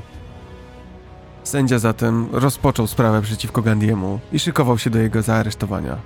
Wtedy jednak przed sądem zebrał się tłum chłopów wykrzykujących hasła. Policja zaczęła zbierać się, aby rozpędzić tłum. Wtedy Gandhi powiedział sędziemu: Pozwól mi przemówić do tłumu, a wszystko zakończy się pokojowo. Sędzia niechętnie, ale zgodził się. Wtedy Gandhi wyszedł do protestującego w jego obronie tłumu i powiedział: Rozejdźcie się, Okażcie swoją wiarę we mnie i w moją pracę. Pozostańcie cicho. Sędzia miał prawo mnie aresztować, bo wprost nie posłuchałem jego rozkazu. Jeżeli zostanę wysłany do więzienia, musicie to zaakceptować jako sprawiedliwe. Musimy działać pokojowo. Każdy akt przemocy zaszkodzi naszej sprawie. I jak za dotknięciem czarodziejskiej różdżki, tłum rozszedł się. Policja i sędzia wpatrywali się w Gandiego z podziwem, gdy wszedł z powrotem do sądu na swoją sprawę. Wtedy to sędzia wycofał sprawę przeciwko Gandiemu i pozwolił mu pozostać w dystrykcie. I faktycznie Gandhi pozostał i rozmawiał z chłopami. Odwiedzał wiele wsi, przeprowadził ponad 8 tysięcy rozmów i zapisał wnioski z każdej z nich. W ten sposób udało mu się dokładnie zrozumieć przyczyny żalu i bólu chłopów. Następnie zaś założył organizację wolontariacką, która zrzeszała chłopów w celu poprawy warunków ekonomicznych oraz w celu edukowania ich. Jedna po drugiej otwierał szkoły, a także uczył ludzi, jak poprawiać swoje warunki sanitarne. Stopniowo coraz lepiej wykształceni chłopi zaczęli domagać się lepszej zapłaty i zaczęli stawiać sensowne ekonomiczne warunki Brytyjczykom, tak aby hodowla indygo zaczęła opłacać się obu stronom. Wtedy to rząd brytyjski zdał sobie sprawę z siły Gandiego i z jego oddania się sprawie. Widząc sens i logikę we wnioskach Gandiego, Brytyjczycy powołali komitet do spraw Champaran, który w ciągu kilku miesięcy uchwalił ustawę o rolnictwie Champaran. Ta zaś przyniosła wielką ulgę rolnikom i dzierżawcom ziemi. To właśnie w tym okresie Gandhi uzyskał przydomek Bapu, czyli ojciec, oraz Mahatma, czyli wielka dusza. W rezultacie tych sukcesów Gandhi stał się sławny w całych Indiach i rozbudził świadomość narodową w zniewolonym do tej pory narodzie. Historia zaczęła nabierać tempa. Wydarzenia, o których za chwilę opowiem, podsumował sam Gandhi, mówiąc: Każda wielka rewolucja zaczyna się od drobnego aktu nieposłuszeństwa. Po I wojnie światowej w 1919 roku 49-letni wówczas Gandhi starał się o współpracę polityczną Hindusów z muzułmanami we wspólnej walce z brytyjskim imperializmem. Dotąd zamieszki religijne między Hindusami a muzułmanami były powszechne w Indiach brytyjskich, a te dwie grupy pałały do siebie dużą niechęcią. Gandhi zwrócił się do muzułmanów, gdyż został oszukany poprzednio przez Brytyjczyków. Podczas I wojny światowej Brytyjczycy obiecali, że jeśli tylko Gandhi będzie namawiał do zaciągania się do brytyjskiej armii, to Brytyjczycy utworzą samorząd dla Hindusów, jak tylko skończy się wojna. Po jej zakończeniu jednak, rząd brytyjski zamiast samorządu zaproponował Hindusom tylko drobne reformy, a to mocno rozczarowało Gandhiego. Ogłosił on zatem, że rozpoczyna narodowe nieposłuszeństwo i będzie namawiać wszystkich, aż do momentu, aż Brytyjczycy ustąpią. Na wieść o tym brytyjscy urzędnicy dokonali kontrataku, uchwalając ustawę Rowlata. Była to ustawa wymierzona w nieposłuszeństwo Gandiego i jego zwolenników. Ta ustawa umożliwiała rządowi brytyjskiemu traktowanie uczestników marszów, protestów i innych pokojowych inicjatyw jak przestępców i dawała podstawę do aresztowania kogokolwiek oraz do prewencyjnego zatrzymywania na czas nieokreślony, do więzienia bez kontroli sądu lub bez jakiegokolwiek innego procesu. Ta ustawa miała być straszakiem, ale to właśnie ta ustawa dorzuciła paliwa do politycznego ognia Gandiego. I to właśnie ta ustawa i aresztowania, które zaczęły się masowo pojawiać w Indiach wskutek jej uchwalenia, wprowadziły Gandiego do głównego nurtu indyjskiej walki o niepodległość i zapoczątkowały jego erę. Przemówienie, które Gandhi wygłosił krótko po uchwaleniu tej ustawy, było opisywane tak. Na początku 1919 roku Gandhi był bardzo chory. Ledwo doszedł do siebie, kiedy ustawa Rowlata weszła w życie. Gandhi dołączył swój głos do powszechnego krzyku ale jego głos różnił się od innych. Był cichy, a mimo to można było go usłyszeć ponad krzykami tłumów. Był miękki i delikatny, a wydawało się, że jest ze stali. Był uprzejmy i pełen uroku, a jednak było w nim coś ponurego i przerażającego. Każde użyte słowo było pełne znaczenia i wydawało się nieść śmiertelną powagę. Za językiem pokoju i przyjaźni kryła się władza i działanie oraz determinacja, aby nie poddać się złu.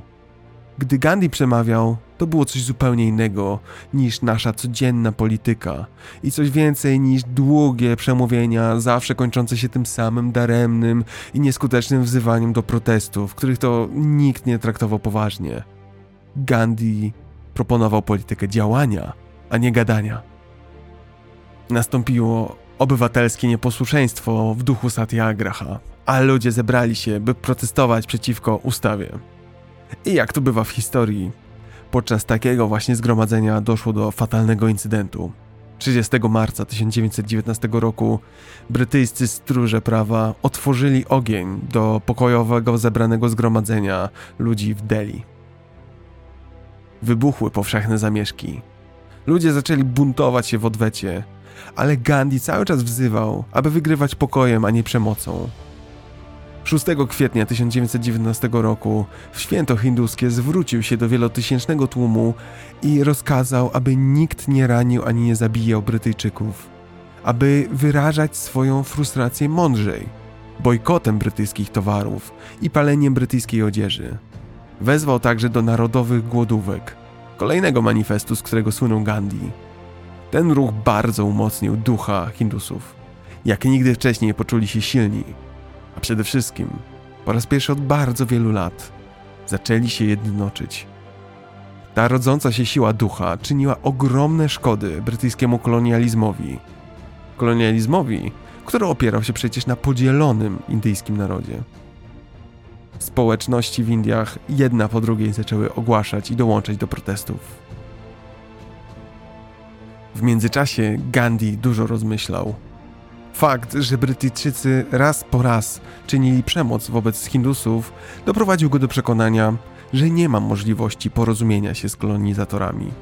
Uznał, że Hindusi nigdy nie będą sprawiedliwie traktowani pod rządami brytyjskich władców, zatem jedynym rozsądnym kierunkiem będzie uzyskanie pełnej niezależności i swobody Indii. Aby zaś rozpocząć walkę o niepodległość, zaczął publicznie propagować ideę Swadeshi, bojkotu wszystkiego co zagraniczne i celebrowaniu indyjskich produktów. Taktyka ta, połączona z zachęceniem do noszenia kadi, czyli tkaniny własnego wyrobu zamiast ubrań brytyjskich, przynosiła świetne rezultaty. Gandhi namawiał mężczyzn i kobiety, bogatych i biednych, do spędzania czasu na przędzeniu kadi jako przejawu poparcia dla ruchu niepodległościowego, nie na wybijaniu szyb, nie na biciu brytyjskich policjantów, ale na siadaniu i przędzeniu ubrań. Ta strategia zaowocowała włączeniem się do ruchu licznych kobiet, które wcześniej były bierne politycznie. Pomyślcie zresztą, jak genialne jest to w swojej prostocie, a przy tym jak musiało denerwować Brytyjczyków. Nie mogli przecież zabronić Hindusom przędzenia ubrań. Musieli zatem obserwować, jak setki tysięcy ludzi wspólnie pokojowo szyje sobie ubrania, a przy tym pokojowo niszczy popyt na wszystko co brytyjskie. Bojkotowano brytyjskie instytucje, sądy, fiskusa, rezygnowano z zatrudniania się w urzędach państwowych, nie oddawano honorów brytyjskim tytułom i symbolom. I właśnie w ten sposób Gandhi z każdym dniem, krok po kroku, osłabiał rządy brytyjskie pod względem gospodarczym, politycznym i administracyjnym. Popularność i charyzma Gandhiego zaś przyciągała udział wszystkich warstw społeczeństwa indyjskiego. Brytyjczycy nie wiedzieli, jak poradzić sobie z tą sytuacją. Gandhi wszak nawet nie protestował. Po prostu był, a swoją obecnością inspirował i wzmacniał ducha w narodzie. Nie mogąc zatem wymyślić nic lepszego, aresztowano go 10 marca 1922 roku. Powodem było rzekome organizowanie zamieszek. Gandhi został osądzony za działalność wywrotową i skazany na 6 lat więzienia. Zgodził się z wyrokiem i rozpoczął karę w dniu 18 marca 1922. Podczas odsiadywania wyroku osłabiony Indyjski Kongres Narodowy podzielił się na dwie frakcje – co więcej, współpraca między Hindusami i muzułmanami pogorszyła się. Przywódcy muzułmańscy opuścili kongres i zaczęli tworzyć własne organizacje muzułmańskie. Polityczna baza stojąca za Gandhim podzieliła się na dwie frakcje. Tymczasem Gandhi nie miał jak temu zaradzić, odsiadywał bowiem wyrok. Los uśmiechnął się jednak. Gandhi został przedwcześnie zwolniony z więzienia po dwóch latach. Powodem była konieczność operacji wyrostka robaczkowego. Po zwolnieniu z więzienia w drugiej połowie lat 20. Gandhi kontynuował propagowanie pokojowego nieposłuszeństwa.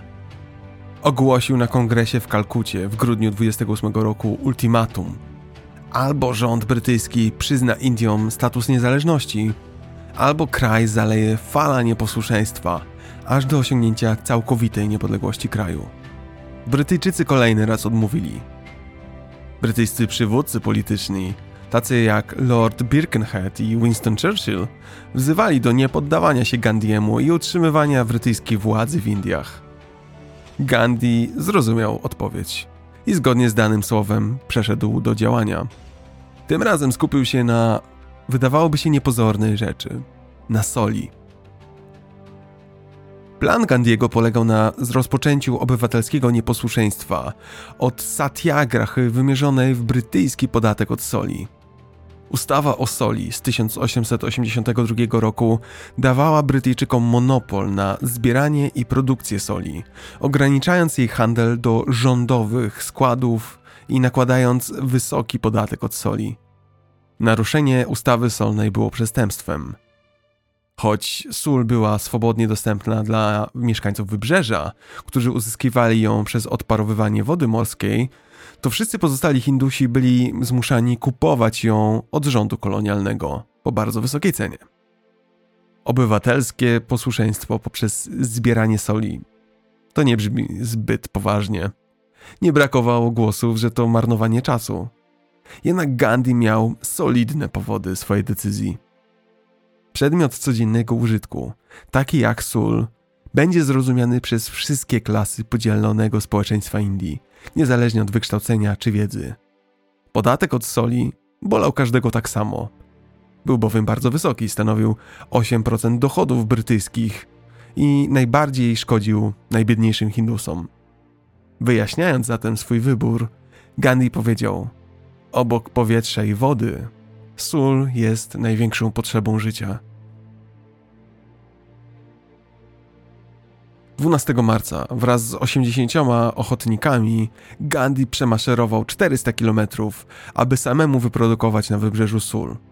Marsz trwał 25 dni i ku zdumieniu wszystkich, a najbardziej Brytyjczyków, okazał się spektakularnym sukcesem.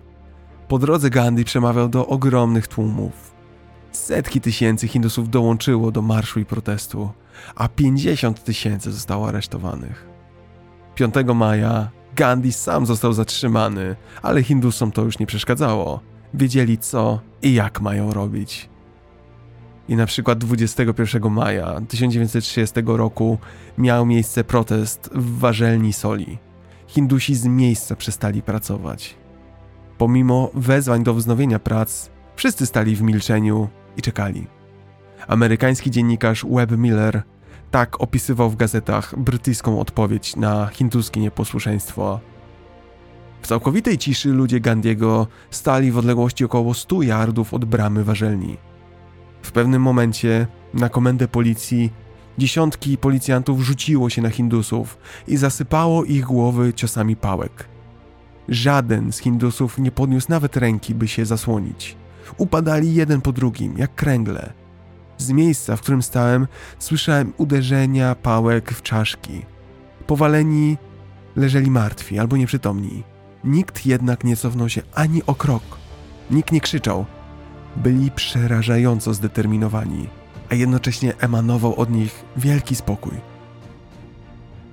Solna Satyagraha była jednym z największych sukcesów Gandiego w zachwianiu brytyjskim panowaniu nad Indiami.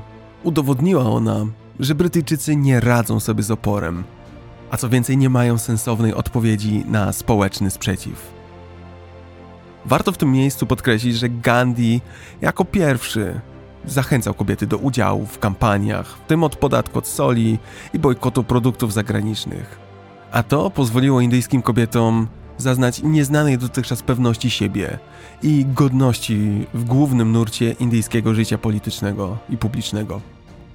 Po aresztowaniu Gandiego kobiety same maszerowały i pikietowały. Odrzucały przemoc i obelgi ze strony władz brytyjskich, tak jak inspirował Gandhi. Gandhi doskonale wiedział, że naród trzeba jednoczyć, a nie dzielić. Zresztą warto przytoczyć jedną z wypowiedzi Gandhiego o kobietach. Nazwać kobietę słabszą płcią to gorzej niż zniesławić to okazać niesprawiedliwość. Jeśli przez siłę rozumie się brutalną przemoc, to rzeczywiście kobieta jest mniej silna niż mężczyzna. Jeżeli jednak przez siłę rozumiemy władzę moralną, to kobieta jest niepomiernie wyższa od mężczyzny. Czy nie ma większej intuicji? Czy nie jest bardziej ofiarna? Czy nie ma większej wytrzymałości? Czy nie jest bardziej odważna? Bez kobiety mężczyzna jest niczym. Dziś dążymy do niestosowania przemocy, a to oznacza, że przyszłość należy do kobiety. Rząd brytyjski widział, że sytuacja w Indiach wymyka się spod kontroli. Postanowili zatem negocjować z Gandhim. Pakt Gandhi-Irwin, podpisany w marcu 1931 roku, zgadzał się na uwolnienie wszystkich więźniów politycznych w zamian za tymczasowe zawieszenie ruchu obywatelskiego nieposłuszeństwa. Dalsze losy Indii miały zostać omówione już w Londynie. Tam został zaproszony Gandhi na udział w konferencji Okrągłego Stołu. Był tam jedynym przedstawicielem Indyjskiego Kongresu Narodowego. Gandhi zgodził się na wizytę w Londynie i tymczasowe zawieszenie, bo spodziewał się omówienia niepodległości Indii. Lecz strona brytyjska skupiła się na indyjskich książętach i mniejszościach indyjskich, a nie na przekazaniu całości władzy. Gandhi spotykał się też z szyderstwami ze strony wielu polityków. Na przykład sam Winston Churchill tak go określił. To niepokojące, a nawet przyprawiające o mdłości widzieć pana Gandiego, wywrotowego prawnika, wykształconego przecież w Anglii, który teraz niczym jakiś półnagi fakir kroczy po schodach Pałacu Królewskiego. Czy to przystoi, by tak prowadzić pertraktację z przedstawicielem króla? Niechęć Churchilla do Gandiego wzrastała zresztą w dalszych latach 30. Nazywał Gandiego dyktatorem, hinduskim Mussolinim, podżegaczem wojen rasowych. Tak czy owak, wizyta w Londynie niczego nie rozstrzygnęła, a Gandhi był rozgoryczony zmarnowanym czasem. Co gorsze, po powrocie do Indii, Lord Willingdon wprost odrzucił wizję Indii jako niepodległego narodu i rozpoczął nową kampanię kontrolowania i podporządkowywania ruchu nacjonalistycznego. Gandhi został ponownie aresztowany, a rząd próbował bezskutecznie negować jego wpływy poprzez izolowanie go od zwolenników. Gdy Gandhi był w więzieniu, rząd brytyjski wprowadził nowe prawo, które nadawało kaście niedotykalnych, czyli najniższej indyjskiej kaście, oddzielny okrąg wyborczy, jeszcze bardziej ich izolując od reszty społeczeństwa. W proteście Gandhi rozpoczął głodówkę i ogłosił, że będzie głodować aż do śmierci, jeśli rząd nie wycofa się z prawa. Wynikające z tego indyjskie ogólne oburzenie i protesty zmusiły rząd do wycofania się z tego prawa. Sami widzicie, że relacje Hindusów i Brytyjczyków to nieustanne przepychanki i pasmo kroków w przód, a zaraz potem kolejnego wstecz. A to właśnie na skutek owego klinczu w relacjach między Indiami a Wielką Brytanią Kongres Narodowy Indii postanowił złagodzić w końcu swoje podejście i postulaty. Odeszli od pomysłu pełnej autonomii Indii na rzecz federacji małych indyjskich państewek. Dlatego też, niepogodzony z tą wizją, Gandhi zrezygnował z członkostwa w Kongresie Narodowym. Od 1934 roku, choć nie negował całkowicie programu kongresu, to czuł, że nie identyfikuje się z nim w pełni. Wiedział też, że jego rezygnacja pomoże kongresowi zwiększyć liczbę członków, którzy teraz reprezentowali już cały wachlarz rozmaitych ruchów i programów, od lewicowych do prawicowych. Gandhi wrócił do aktywnej polityki ponownie w 1936 roku wraz z prezydenturą Nehru. Starł się wówczas także z Subhasem Bose, który został wybrany na lidera partii kongresowej w 1938 roku i który to postulował odejście od satyagrahy i dopuszczenie walki zbrojnej z Brytyjczykami. Na to nie było zgody Gandiego. Wobec tego protestował i ostatecznie przekonał pozostałych członków kongresu, aby satyagraha dalej była nieodzowną częścią polityki, aby pokojowy opór stanowił ideę, która będzie jednoczyć Hindusów. I tak oto doszliśmy do 1939 roku, kiedy to wybuchła II wojna światowa. Tym razem Gandhi sprzeciwił się udzieleniu jakiejkolwiek pomocy Brytyjczykom na wojnie. Prowadził kampanię przeciwko udziałowi Hindusów podczas działań zbrojnych. Sprzeciw Gandhiego wobec udziału Indii w II wojnie światowej był motywowany jego przekonaniem, że Indie nie mogą uczestniczyć w wojnie rzekomo toczonej o demokratyczną wolność, podczas gdy takiej samej wolności konsekwentnie odmawiano Hindusom. Gandhi stanowczo potępiał także ideę nazizmu i faszyzmu. W miarę postępu wojny Gandhi nasilał żądania niepodległości, cały czas wzywał Brytyjczyków do opuszczenia Indii. Z wiecu na wiec, z dnia na dzień, coraz celniej punktował Brytyjczyków. Coraz głośniej wzywał do podnoszenia głów przez Hindusów. Indie miały być wolne i niezależne. Brytyjczycy mieli wreszcie opuścić ten kraj. Cały ten ruch znalazł swoje ukoronowanie w jednej z najsłynniejszych przemów Gandhiego, tak zwanej Quit India Speech z 8 sierpnia 1942 roku. Wtedy to w parku w Mumbai wezwał tłum do zdecydowanego, ale pasywnego oporu. Najlepiej opisywanego wezwaniem działaj albo giń. To jedno z najlepszych historycznych przemówień, jakie miałem okazję czytać. Wyobraźcie sobie zresztą, że sami stoicie w Mumbai i słuchacie tego przemówienia, a wszędzie naokoło ważą się losy waszego kraju. Ważą się losy tego, czy będziecie żyć w państwie demokratycznym i wolnym, czy też ciągle podległym wobec innego. Oto fragment. Są ludzie, którzy pytają mnie, czy jestem tym samym człowiekiem, którym byłem jeszcze 10 lat temu, czy też nastąpiła jakaś zmiana we mnie. To bardzo dobre pytanie. Zapewniam, jestem tym samym Gandhim, którym byłem 10 lat temu. Nie zmieniłem się pod żadnym fundamentalnym względem. Przywiązuję taką samą wagę do niestosowania przemocy, jak wtedy. Jeżeli coś się zmieniło, to moja determinacja, która tylko wzrosła. Chwile takie jak teraz nie zdarzają się często. Chcę, abyście wiedzieli i czuli, że we wszystkim, co dzisiaj mówię i robię, nie ma nic poza najczystszą ahimsą. Musimy działać teraz. Wierzę, że w historii świata nie było bardziej prawdziwie demokratycznej walki o wolność niż ta nasza. Przeczytałem rewolucję francuską Carlyle'a, kiedy byłem w więzieniu. Słyszałem o rewolucji rosyjskiej, ale jestem przekonany, że o ile te walki były toczone przy użyciu broni przemocy, to nigdy nie zrealizowały ideału demokratycznego. W mojej demokracji, w demokracji ustanowionej przez niestosowanie przemocy, każdy z Was będzie mieć taką samą wolność. Każdy z Was będzie swoim własnym panem. Zapraszam zatem Was dzisiaj. Stańmy do pokojowej walki o taką demokrację. Ale pojawia się kwestia naszego stosunku do Brytyjczyków. Zauważyłem, i smutno mi to przyznać, że panuje wśród Was nienawiść do Brytyjczyków. Ale to dlatego, że nie rozróżniacie między brytyjskim imperializmem a narodem brytyjskim. Dla Was to jedno i to samo.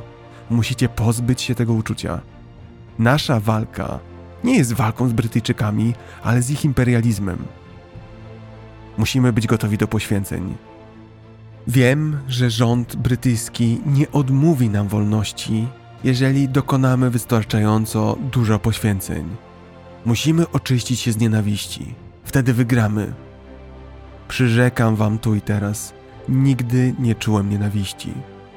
W rzeczywistości czuję się teraz większym przyjacielem Brytyjczyków niż kiedykolwiek wcześniej. I to przyjaźnią i miłością zwyciężymy. Oto moment, gdy rozpoczynamy największą walkę w naszym życiu. Oto moment, gdy musimy pozbyć się jakiejkolwiek nienawiści. Oto moment, gdy rozpoczynamy nasze zwycięstwo. Wyobraźcie sobie tylko usłyszeć to na żywo. To była najbardziej ostateczna wolta Gandiego i partii kongresowej, która miała na celu wymuszenie wyjścia Wielkiej Brytanii z Indii. Brytyjski rząd, oszołomiony, zareagował na przemówienie Quit India w ciągu kilku godzin po przemówieniu Gandiego, aresztując go i wszystkich członków Komitetu Kongresu. Kości Domina zostały jednak już puszczone w ruch, a ruch indyjskiego oporu płonął ogniem żywszym niż kiedykolwiek wcześniej. Aresztowanie Gandiego trwało dwa lata. Los nie szczędził go nawet wtedy. W czasie jego pobytu w więzieniu zmarła jego żona i syn. Zachorował także na malarię.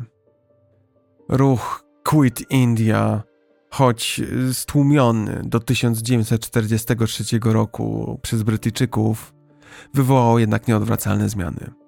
Brytyjczycy widzieli, że kwestią czasu jest, aż faktycznie Indie staną się niezależne. Dlatego zaczęli skłaniać się do oddania władzy Hindusom. To spowodowało, że Gandhi odwołał wszelkie akcje bojkotów przeciwko Anglikom. Prawie 100 tysięcy więźniów politycznych odzyskało wolność. Sam Gandhi został zwolniony przed końcem wojny 6 maja 1944 roku. Przyczyną było pogarszające się jego zdrowie i konieczność operacji.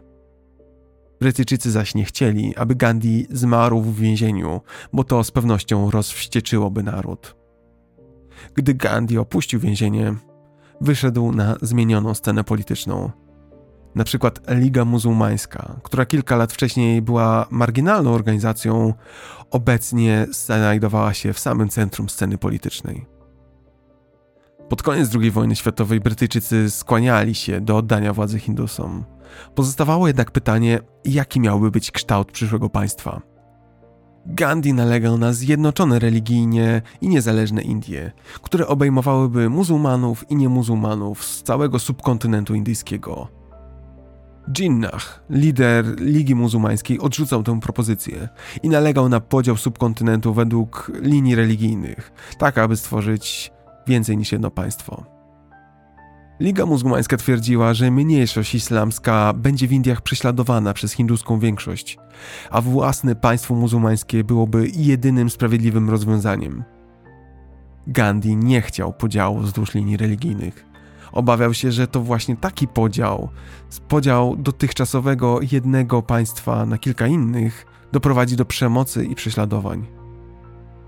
Nie mogąc się porozumieć, Liga Muzułmańska postanowiła działać na własną rękę. 16 sierpnia 1946 roku ogłosiła Dzień Akcji Bezpośredniej i nawoływała do publicznego gromadzenia się w miastach przez muzułmanów i okazywania poparcia dla podziału Indii na państwa muzułmańskie i niemuzułmańskie. To jednak tylko podsyciło ekstremistyczne nastroje. Dzień akcji bezpośredniej doprowadził do masowych mordów Hindusów z Kalkuty i paleniu ich domów. To przedsmak tego, przed czym ostrzegał Gandhi. Przemoc w dniu akcji bezpośredniej doprowadziła do przemocy odwetowej wobec muzułmanów. Tysiące Hindusów i muzułmanów zginęło, a dziesiątki tysięcy zostało rannych. Gandhi reagował. Odwiedzał jedne po drugim obszary, gdzie nastroje były najbardziej bojowe i apelował o pokój i dobro. Sytuacja szybko jednak stała się krytyczna, a spirala zamieszek nakręcała się. Brytyjczycy zdali sobie sprawę, że nie poradzą sobie z utrzymaniem w ryzach Indii i że najwyższa pora opuścić ten kraj. Ewentualnym próbom utrzymania czy też nawet reformy brytyjskiej władzy nie sprzyjała globalna sytuacja po II wojnie światowej. Świat odchodził od kolonii. W latach 45-65 dekolonizacja doprowadziła do uwolnienia ponad 30 krajów od swoich potęg. Nie było zatem rady. Archibald Wavell, gubernator generalny, zaprosił Gandiego i Jinnaha, aby znaleźć wspólną płaszczyznę, jak wycofać się z Indii, jaki kraj zostawić. Choć Gandhi był temu przeciwny, to napięcia między muzułmanami a hindusami spowodowały, że nawet Kongres Narodowy Indii zaakceptował podział Indii z uwzględnieniem religii. Nie było żadnej alternatywy. Albo Brytyjczycy podzielą Indię, albo nigdy nie opuszczą tej ziemi. Po długich negocjacjach zatem wreszcie sukces. 3 czerwca 1947 roku wicehrabia Louis Mountbatten, brytyjski gubernator Indii, ogłosił podział Indii brytyjskich na Indię i Pakistan. 14 sierpnia 1947 roku Pakistan został uznany za odrębny kraj. 15 sierpnia zaś o godzinie 12.02 Indie stały się suwerennym i demokratycznym narodem. 15 sierpnia jest Dniem Niepodległości Indii i oznacza koniec Indii brytyjskich. Prawie 200 lat okupacji brytyjskiej oto się właśnie zakończyło, a ojcem tego sukcesu był bohater naszego odcinka, Mahatma Gandhi. Nie śpieszmy się jednak z celebrowaniem. Zgodnie z przewidywaniami Gandiego, siłowe podzielenie kraju wedle linii religijnej doprowadziło do katastrofy. Ten podział był kontrowersyjny i gwałtownie kwestionowany. Zginęło prawie pół miliona ludzi w zamieszkach religijnych. A prawie 12 milionów niemuzułmanów, głównie Hindusów i Sikhów, wyemigrowało z Pakistanu do Indii zaś muzułmanie emigrowali z Indii do Pakistanu poprzez nowo utworzone granice Indii, Pakistanu Zachodniego i Wschodniego. Zamiast celebrować niepodległość, znaczna część ludzi musiała uciekać. Gandhi spędził Dzień Niepodległości nie celebrując końca rządów brytyjskich, ale apelując o pokój wśród rodaków. Gandhi rozpaczał, że choć Indie stały się wolne, to duch pokoju zginął, a przemoc pomiędzy dotychczasowymi bratnimi narodami stała się powszechna. Nie poddał się jednak.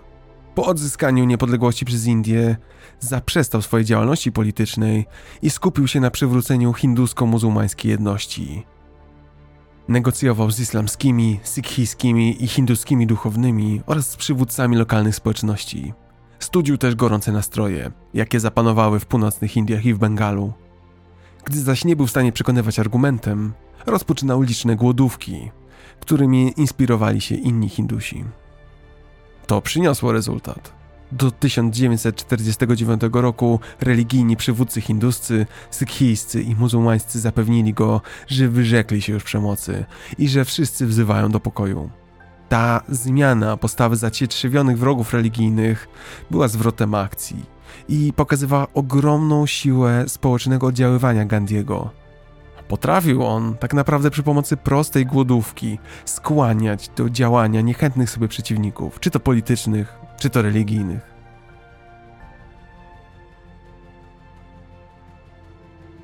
Nad Indiami powoli nastawało słońce, aby rozproszyć ponury mrok dziejów. Wydawało się, że od tej pory Gandhi będzie już pokojowym liderem, który nie będzie musiał już o nic walczyć. Będzie jedynie udzielać wskazówek i podsuwać rozwiązania. Indie wreszcie były wolne. Jednak los, cóż, los bywał okrutny. 30 stycznia 1948 roku siostrzenica Gandiego, Manu Gandhi, przybyła do New Delhi, aby dołączyć do Gandiego podczas jego misji pokojowej. Towarzyszyła jej też Abba, która była dziewczynką adoptowaną przez Gandiego. Swój dzień Mahatma Gandhi rozpoczął od modlitwy. Następnie pracował nad projektami aktów prawnych. Później wziął kąpiel i zjadł wczesny obiad. Po obiedzie zdrzemnął się, a po przebudzeniu wyruszył na zaplanowane spotkanie modlitewne. Rozpoczął marsz na miejsce modlitwy, idąc z Manu po prawej i Abą po lewej. Nagle dostrzegli z naprzeciwka, jak młody Hindus przedziera się przez tłum, pochylony i ze złożonymi rękami. Manu myślała, że ten mężczyzna chce dotknąć Gandiego. Odepchnęła go na bok, mówiąc: Bapu jest już 10 minut spóźniony, nie zawstydzaj go. Mężczyzna odepchnął ją tak mocno, że straciła równowagę i upadła. Gdy leżała na ziemi, usłyszała cztery strzały, cztery huki. Dalej wszędzie był już tylko dym. Gdy wstała, dostrzegła Gandiego trzymającego się za klatkę piersiową, przerażonego, mówiącego hej ram, hej ram, czyli o Boże, o Boże. W stronę tłumu rzucili się ludzie.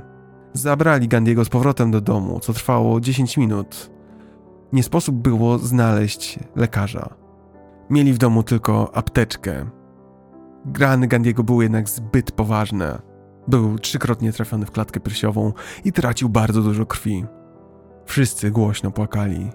Wielokrotnie dzwoniono do szpitala, ale zanim udało się zorganizować pomoc, Gandhi zastygł w bezruchu. Kilka godzin później miało miejsce radiowe orędzie premiera Nehru w radiu All Indie. Powiedział on: Przyjaciele i towarzysze, odeszło słońce naszego życia Wszędzie zapanowała ciemność i nie wiem, co mam wam powiedzieć, ani jak to powiedzieć. Nasz ukochany przywódca, Bapu, ojciec narodu, nie jest już wśród nas. Nigdy już go więcej nie ujrzymy, tak jak go dotychczas widzieliśmy przez ten długi czas. Już nigdy nie usłyszymy jego rad, już nigdy nie znajdziemy pocieszenia u niego. To potężny cios nie tylko dla mnie, ale dla milionów naszych rodaków. Sprawcą zamachu na Gandiego był Godse, hinduski nacjonalista. Godse nie próbował uciec. Wkrótce także kilku innych spiskowców zostało aresztowanych. Wszyscy zostali osądzeni w sądzie. Podczas procesu Godse nie zaprzeczał oskarżeniom ani nie wyraził skruchy. Pytany, dlaczego zabił Gandiego, powiedział, że Gandhi zdradził Indię, nie robiąc wszystkiego w swojej mocy, aby zapobiec podziałowi na Indię i Pakistan, a w ten sposób umocnił muzułmanów. Śmierć Gandiego zdruzgotała Hindusów. Opłakiwano ją dosłownie w całym kraju. W procesji pogrzebowej wziął udział ponad milion ludzi. Procesja miała ponad 8 km długości. Szła ponad 5 godzin, a dodatkowy milion widzów zebrał się obok. Wszystkie indyjskie przedsiębiorstwa i firmy w Indiach oraz w Londynie zostały zamknięte na jeden dzień. Gdy świat dowiedział się o śmierci Gandiego, również reagował. Na przykład Albert Einstein napisał: Gandhi zginął jako ofiara swoich własnych zasad, jako ofiara zasady niestosowania przemocy. Zginął, bo w czasie nieporządku i rozrażnienia odmówił zbrojnej ochrony siebie samego. Gandhi był przekonany, że używanie siły jest złem samym w sobie i dlatego musi być unikane przez tych, którzy dążą do osiągnięcia sprawiedliwości. Z jego wiarą w sercu i umyśle poprowadził swój naród do wyzwolenia. Swoim życiem pokazał, że potęgę zyskuje się nie tylko dzięki sprytnym manewrom i sztuczkom politycznym, ale także, a może przede wszystkim, dzięki przykładowi moralnego, dobrego życia. Krótko po śmierci Gandiego również New York Times napisał: Gandhi jest świętym, który zostanie zapamiętany nie tylko na równinach i wzgórzach Indii, ale na całym świecie. Dążył do doskonałości, tak jak inni ludzie dążą do władzy i do posiadania. Współczuł tym, którym naprawdę wyrządzano krzywdę. Ale przede wszystkim uczył, aby kochać swoich ciemiężycieli. Starał się kochać swoich wrogów. Pozostał wierny tym ideałom do ostatniego tchnienia.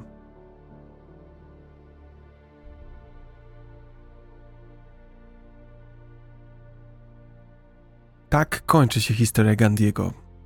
Ale historia to tylko połowa tego, co czyni tę postać tak wyjątkowym i fascynującym. Gandhi bowiem pozostawił ciągle aktualne dziedzictwo. Pozostawił wiele przemyśleń i refleksji na temat życia. Do dziś stanowią one inspirację dla wielu ludzi na całym świecie. Pozwólcie, że opowiem o kilku najciekawszych moim zdaniem ideach, jakie propagował Gandhi. Przede wszystkim ahimsa, czyli sprzeciw wobec przemocy. Choć Gandhi nie był twórcą zasady niestosowania przemocy, to jako pierwszy zastosował ją na dużą skalę. Ahimsa, czyli niestosowanie przemocy, ma bardzo długą historię w myśli religijnej Hindusów. Uważa się ją za najwyższą darmę, za najwyższą cnotę, za nakaz, którego należy przestrzegać wobec wszystkich żywych istot – za nakaz, który musi być obecny przez cały czas, pod każdym względem, w działaniu, słowach i myślach. Gandhi jako polityk stosował całkowitą ahimsę, całkowite niestosowanie przemocy. Jego satyagraha, pokojowy opór, z łatwością przyciągała masy. Łączyła ona ideę ahimsy z ruchem politycznym, z ideą wyzwolenia. Gandhi jest szeroko znany jako najsłynniejszy wegetarianin. Był wychowany w tym duchu już przez swoją pobożną hinduską matkę. Głęboko wierzył, że jakakolwiek forma jedzenia nieuchronnie szkodzi innej żywej formie organicznej. Gandhi wierzył, że niektóre formy życia są bardziej zdolne do cierpienia a niestosowanie przemocy oznaczało dla niego brak intencji oraz podejmowanie wysiłków, aby zminimalizować krzywdę, zranienie albo cierpienie innej formy życia. Dla Gandiego pożywienie to było źródło nie tylko podtrzymania życia, ale także źródło wpływu na inne żywe istoty. Coś, co wpływa na nasz umysł, charakter i samopoczucie. Dlatego unikał nie tylko mięsa, ale także jajek i mleka. Gandhi nie stronił od innych eksperymentów z dietą. Próbował opracować najbardziej pozbawiony przemocy posiłek wegetariański, na jaki najbiedniejszy człowiek może sobie pozwolić. Robił skrupulatne notatki na temat warzyw i owoców i zapisywał swoje obserwacje na temat własnego ciała oraz na temat tego, jak dany pokarm na niego wpływa. Próbował na przykład przez pewien czas frutarianizmu, czyli diety z owoców i warzyw. Dopiero później powrócił do wegetarianizmu za radami lekarza i obawami przyjaciół. Jego eksperymenty z żywnością trwały kilkadziesiąt lat. W niektórych przypadkach łączył swoje pomysły z tymi, które można znaleźć na temat diety w indyjskich tekstach joginów. Co ciekawe, Gandhi uważał, że każdy człowiek powinien eksperymentować ze swoją dietą, ponieważ jedzenie jednego człowieka może okazać się trucizną dla drugiego i na odwrót. Gandhi bronił praw zwierząt. Aktywnie prowadził kampanię przeciwko badaniom i eksperymentom na żywych zwierzętach w imię nauki i studiów medycznych. Uważał to za niepotrzebną przemoc wobec zwierząt, za zadawanie nieuzasadnionego bólu i cierpienia. Tak jak już wspominałem, Gandhi jest szeroko znany ze swoich licznych głodówek i poszczenia. Używał głodówek jako narzędzia politycznego, często grożąc, że zagłodzi się na śmierć, jeżeli nie zostaną spełnione jego żądania. Wiemy, że posty, wegetarianizm i eksperymenty z dietą były dla Gandhiego czymś więcej niż tylko politycznym narzędziem. Były częścią jego duchowości, częścią jego stylu życia. Gandhi był sceptyczny wobec tradycyjnej ayurvedy. Zachęcał do studiowania nauki i do przyjęcia podejścia progresywnego wobec nauki i diety. Gandhi wszemi wobec propagował zdrowy styl życia. Mówił, że yoga zapewnia niebywałe korzyści zdrowotne. Uważał także, że dieta oparta na regionalnej żywności i na higienie jest niezbędna dla dobrego zdrowia. Dieta i nawyki żywieniowe Gandiego są zresztą dalej badane. Całkiem niedawno upubliczniono dokumentację zdrowotną Gandiego w książce Gandhi and Health. Te dane wskazują, że pomimo wzrostu 1,65 m i wagi 46 kg, Gandhi był bardzo zdrowy. Unikał nowoczesnych leków i pił dużo wody, Szacuje się także, że w swoim życiu Gandhi przeszedł prawie 80 tysięcy kilometrów, co daje średnio 18 kilometrów dziennie i jest równoważne dwukrotnemu okrążeniu Ziemi.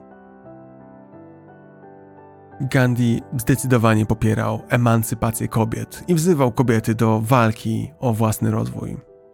Sprzeciwiał się przymusowym małżeństwom, posagom i sati. Żona, według Gandiego, nie mogła być niewolnicą męża, miała być jego towarzyszem, lepszą połową i przyjacielem. Szeroko zachęcał także kobiety, aby nie dawały się zamknąć w domu, aby poznawały publiczne życie, aby podejmowały się działań, które dotychczas były zarezerwowane tylko dla mężczyzn. Gandhi był wielkim przeciwnikiem systemu kastowego w Indiach. Szczególnie martwił się losem niedotykalnych, czyli najniższej kasty indyjskiej. Wydzielenie tej kasty Gandhi nazywał wielkim złem społeczeństwa hinduskiego. Rozpoczął zatem kampanię mającą na celu poprawę życia niedotykalnych, których to nazywał sam Harijanami, dziećmi bożymi. W maju 1933 roku Gandhi rozpoczął 21-dniowy post i roczną kampanię, aby pomóc niedotykalnym. Gandhi wreszcie promował coś, co nazywał Swaraj, czyli samodzielność. To koncepcja niepodległości od obcej dominacji. Swaraj kładzie jednak nacisk na rządzenie nie przez hierarchiczny rząd, ale przez jednostki, przez budowanie wspólnoty. Swaraj to decentralizacja polityczna, to niepodległość. Aby jednak osiągnąć swaracz, należy żyć w prostocie. Nie może być okazji, aby chcieć bogactwa i dodatkowej władzy. To właśnie w duchu swaracz Gandhi sugerował budować nowy porządek indyjski.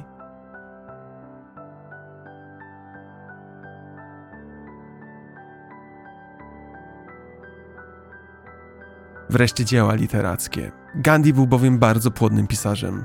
Kompletne prace Gandhiego zostały opublikowane pod nazwą The Collected Works of Mahatma Gandhi w 1960 roku.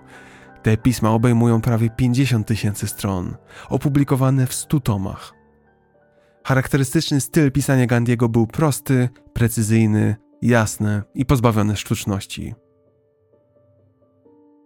Jedna z najwcześniejszych publikacji Gandiego, Hinz Farage, opublikowana w 1909 roku, stała się intelektualnym wzorcem indyjskiego ruchu niepodległościowego. Ta książka została przetłumaczona na język angielski w następnym roku, a adnotacja dotycząca praw autorskich brzmiała No Rights Reserved, czyli wszelkie prawa dozwolone. Gandhi bowiem chciał, aby książka rozprzestrzeniała się, aby była propagowana dalej. Przez następne dziesięciolecia redagował kilka gazet w kilku językach, w tym w hindi i w angielskim. Ponadto prawie codziennie pisał listy do osób prywatnych i do gazet. Napisał kilka książek, w tym swoją autobiografię The Story of My Experiments with Truth, czyli historia moich doświadczeń z prawdą. Gandhi wpłynął na ważnych przywódców i ruchy polityczne. Tacy liderzy jak na przykład Martin Luther King wprost czerpali z Gandhiego. Martin Luther King powiedział: Chrystus dał nam cel, a Mahatma Gandhi taktykę. Również Nelson Mandela, działacz przeciwko apartheidowi w RPA, był inspirowany przez Gandhiego. Barack Obama w przemówieniu do parlamentu Indii w 2010 roku powiedział: Jestem świadomy, że nie byłoby mnie tu dzisiaj, stojącego przed wami tutaj jako prezydent Stanów Zjednoczonych, gdyby nie Gandhi i jego przesłanie o równości i pokoju, przesłanie, które przekazał całemu światu. Warto wspomnieć, że brytyjski muzyk John Lennon wielokrotnie mówił, że inspiracją dla niego i dla jego partnerki Yoko Ono były pokojowe protesty Gandiego właśnie. Wreszcie na ideę Gandiego powoływali się filozofowie XX wieku, w tym zapewne znany wam Sławoj Żyżek. Na koniec zaś chciałbym podzielić się anegdotą z jednej z moich ulubionych gier komputerowych Cywilizacji. Otóż gra ta pozwalała graczowi na przewodzenie wybraną cywilizacją, tak aby odnieść zwycięstwo nad innymi cywilizacjami i ich przywódcami, które to sterował komputer. Według pewnej miejskiej legendy, każdy przywódca miał przypisany określony poziom agresji w skali od jednego, czyli najmniej agresywny, do 10, najbardziej agresywny. Tylko przywódca Indii, Mahatma Gandhi, jako jedyny miał współczynnik agresji 1, co oznaczało m.in., że Indie mogły toczyć tylko wojny obronne. Gdy dana cywilizacja przyjmowała jako swój ustrój demokrację, oznaczało to automatycznie zmniejszenie poziomu agresji o 2. W przypadku Gandhiego oznaczałoby to teoretycznie ustawienie poziomu agresji na poziomie minus 1. Jako, że jednak dla komputera taka liczba oznaczała przeskoczenie do poziomu 255, to oznaczało to, że Gandhi stawał się 25-krotnie bardziej agresywnym przywódcą niż inne postacie w grze. A rezultatem był Gandhi wypowiadający innym graczom wojny z zaskoczenia i atakujący bronią nuklearną wszystkie kraje naokoło. Błąd ten do tego stopnia miał spodobać się twórcom, że umieszczali nawiązanie do niego w kolejnych częściach gry.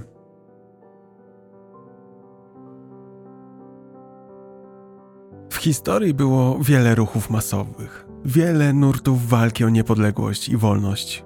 Myślę jednak, że to, co wyróżnia walkę Gandhiego i ruchy przez niego inspirowane, to to, że Gandhi nigdy nie sprawował żadnych politycznych urzędów, nigdy nie został nawet wybrany na żadną pozycję. Gandhi inspirował, dawał przykład, a działania podejmowało samo społeczeństwo. Ale najważniejsze moim zdaniem jest to, że dla Gandiego niepodległość nie oznaczała tylko wolności, ale również obowiązki. Sam mówił: Jeśli wszyscy będziemy wywiązywać się z naszych obowiązków, nie będziemy musieli tworzyć prawa. Gandhi przekazał nam poczucie odpowiedzialności za to, co robimy i jacy jesteśmy. My, jako gospodarze Ziemi, jesteśmy odpowiedzialni za jej dobrobyt, za dobrostan flory i fauny, z którą dzielimy naszą planetę za dobrobyt drugiego człowieka. Myślę, że w Gandhi możemy znaleźć postać doskonałego nauczyciela, który do dziś może nas prowadzić. Nauki i przemyślenia Gandiego są nadal aktualne. Dlatego po prostu róbmy swoje. Pracujmy ramię w ramię, aby uczynić nasz świat dostatnim i wolnym od nienawiści, przemocy i cierpienia. To trudne, ale głęboko wierzę, że możliwe. Na koniec zostawiłem mój ulubiony cytat z Gandiego.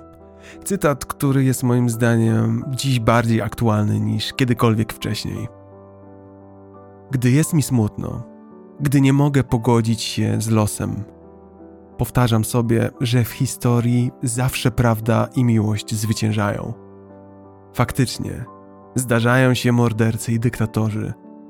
Przez pewien czas może się wydawać, że zostaną z nami na stałe. Pamiętajcie jednak, że zawsze, ale to zawsze, dobro zwycięża ze złem.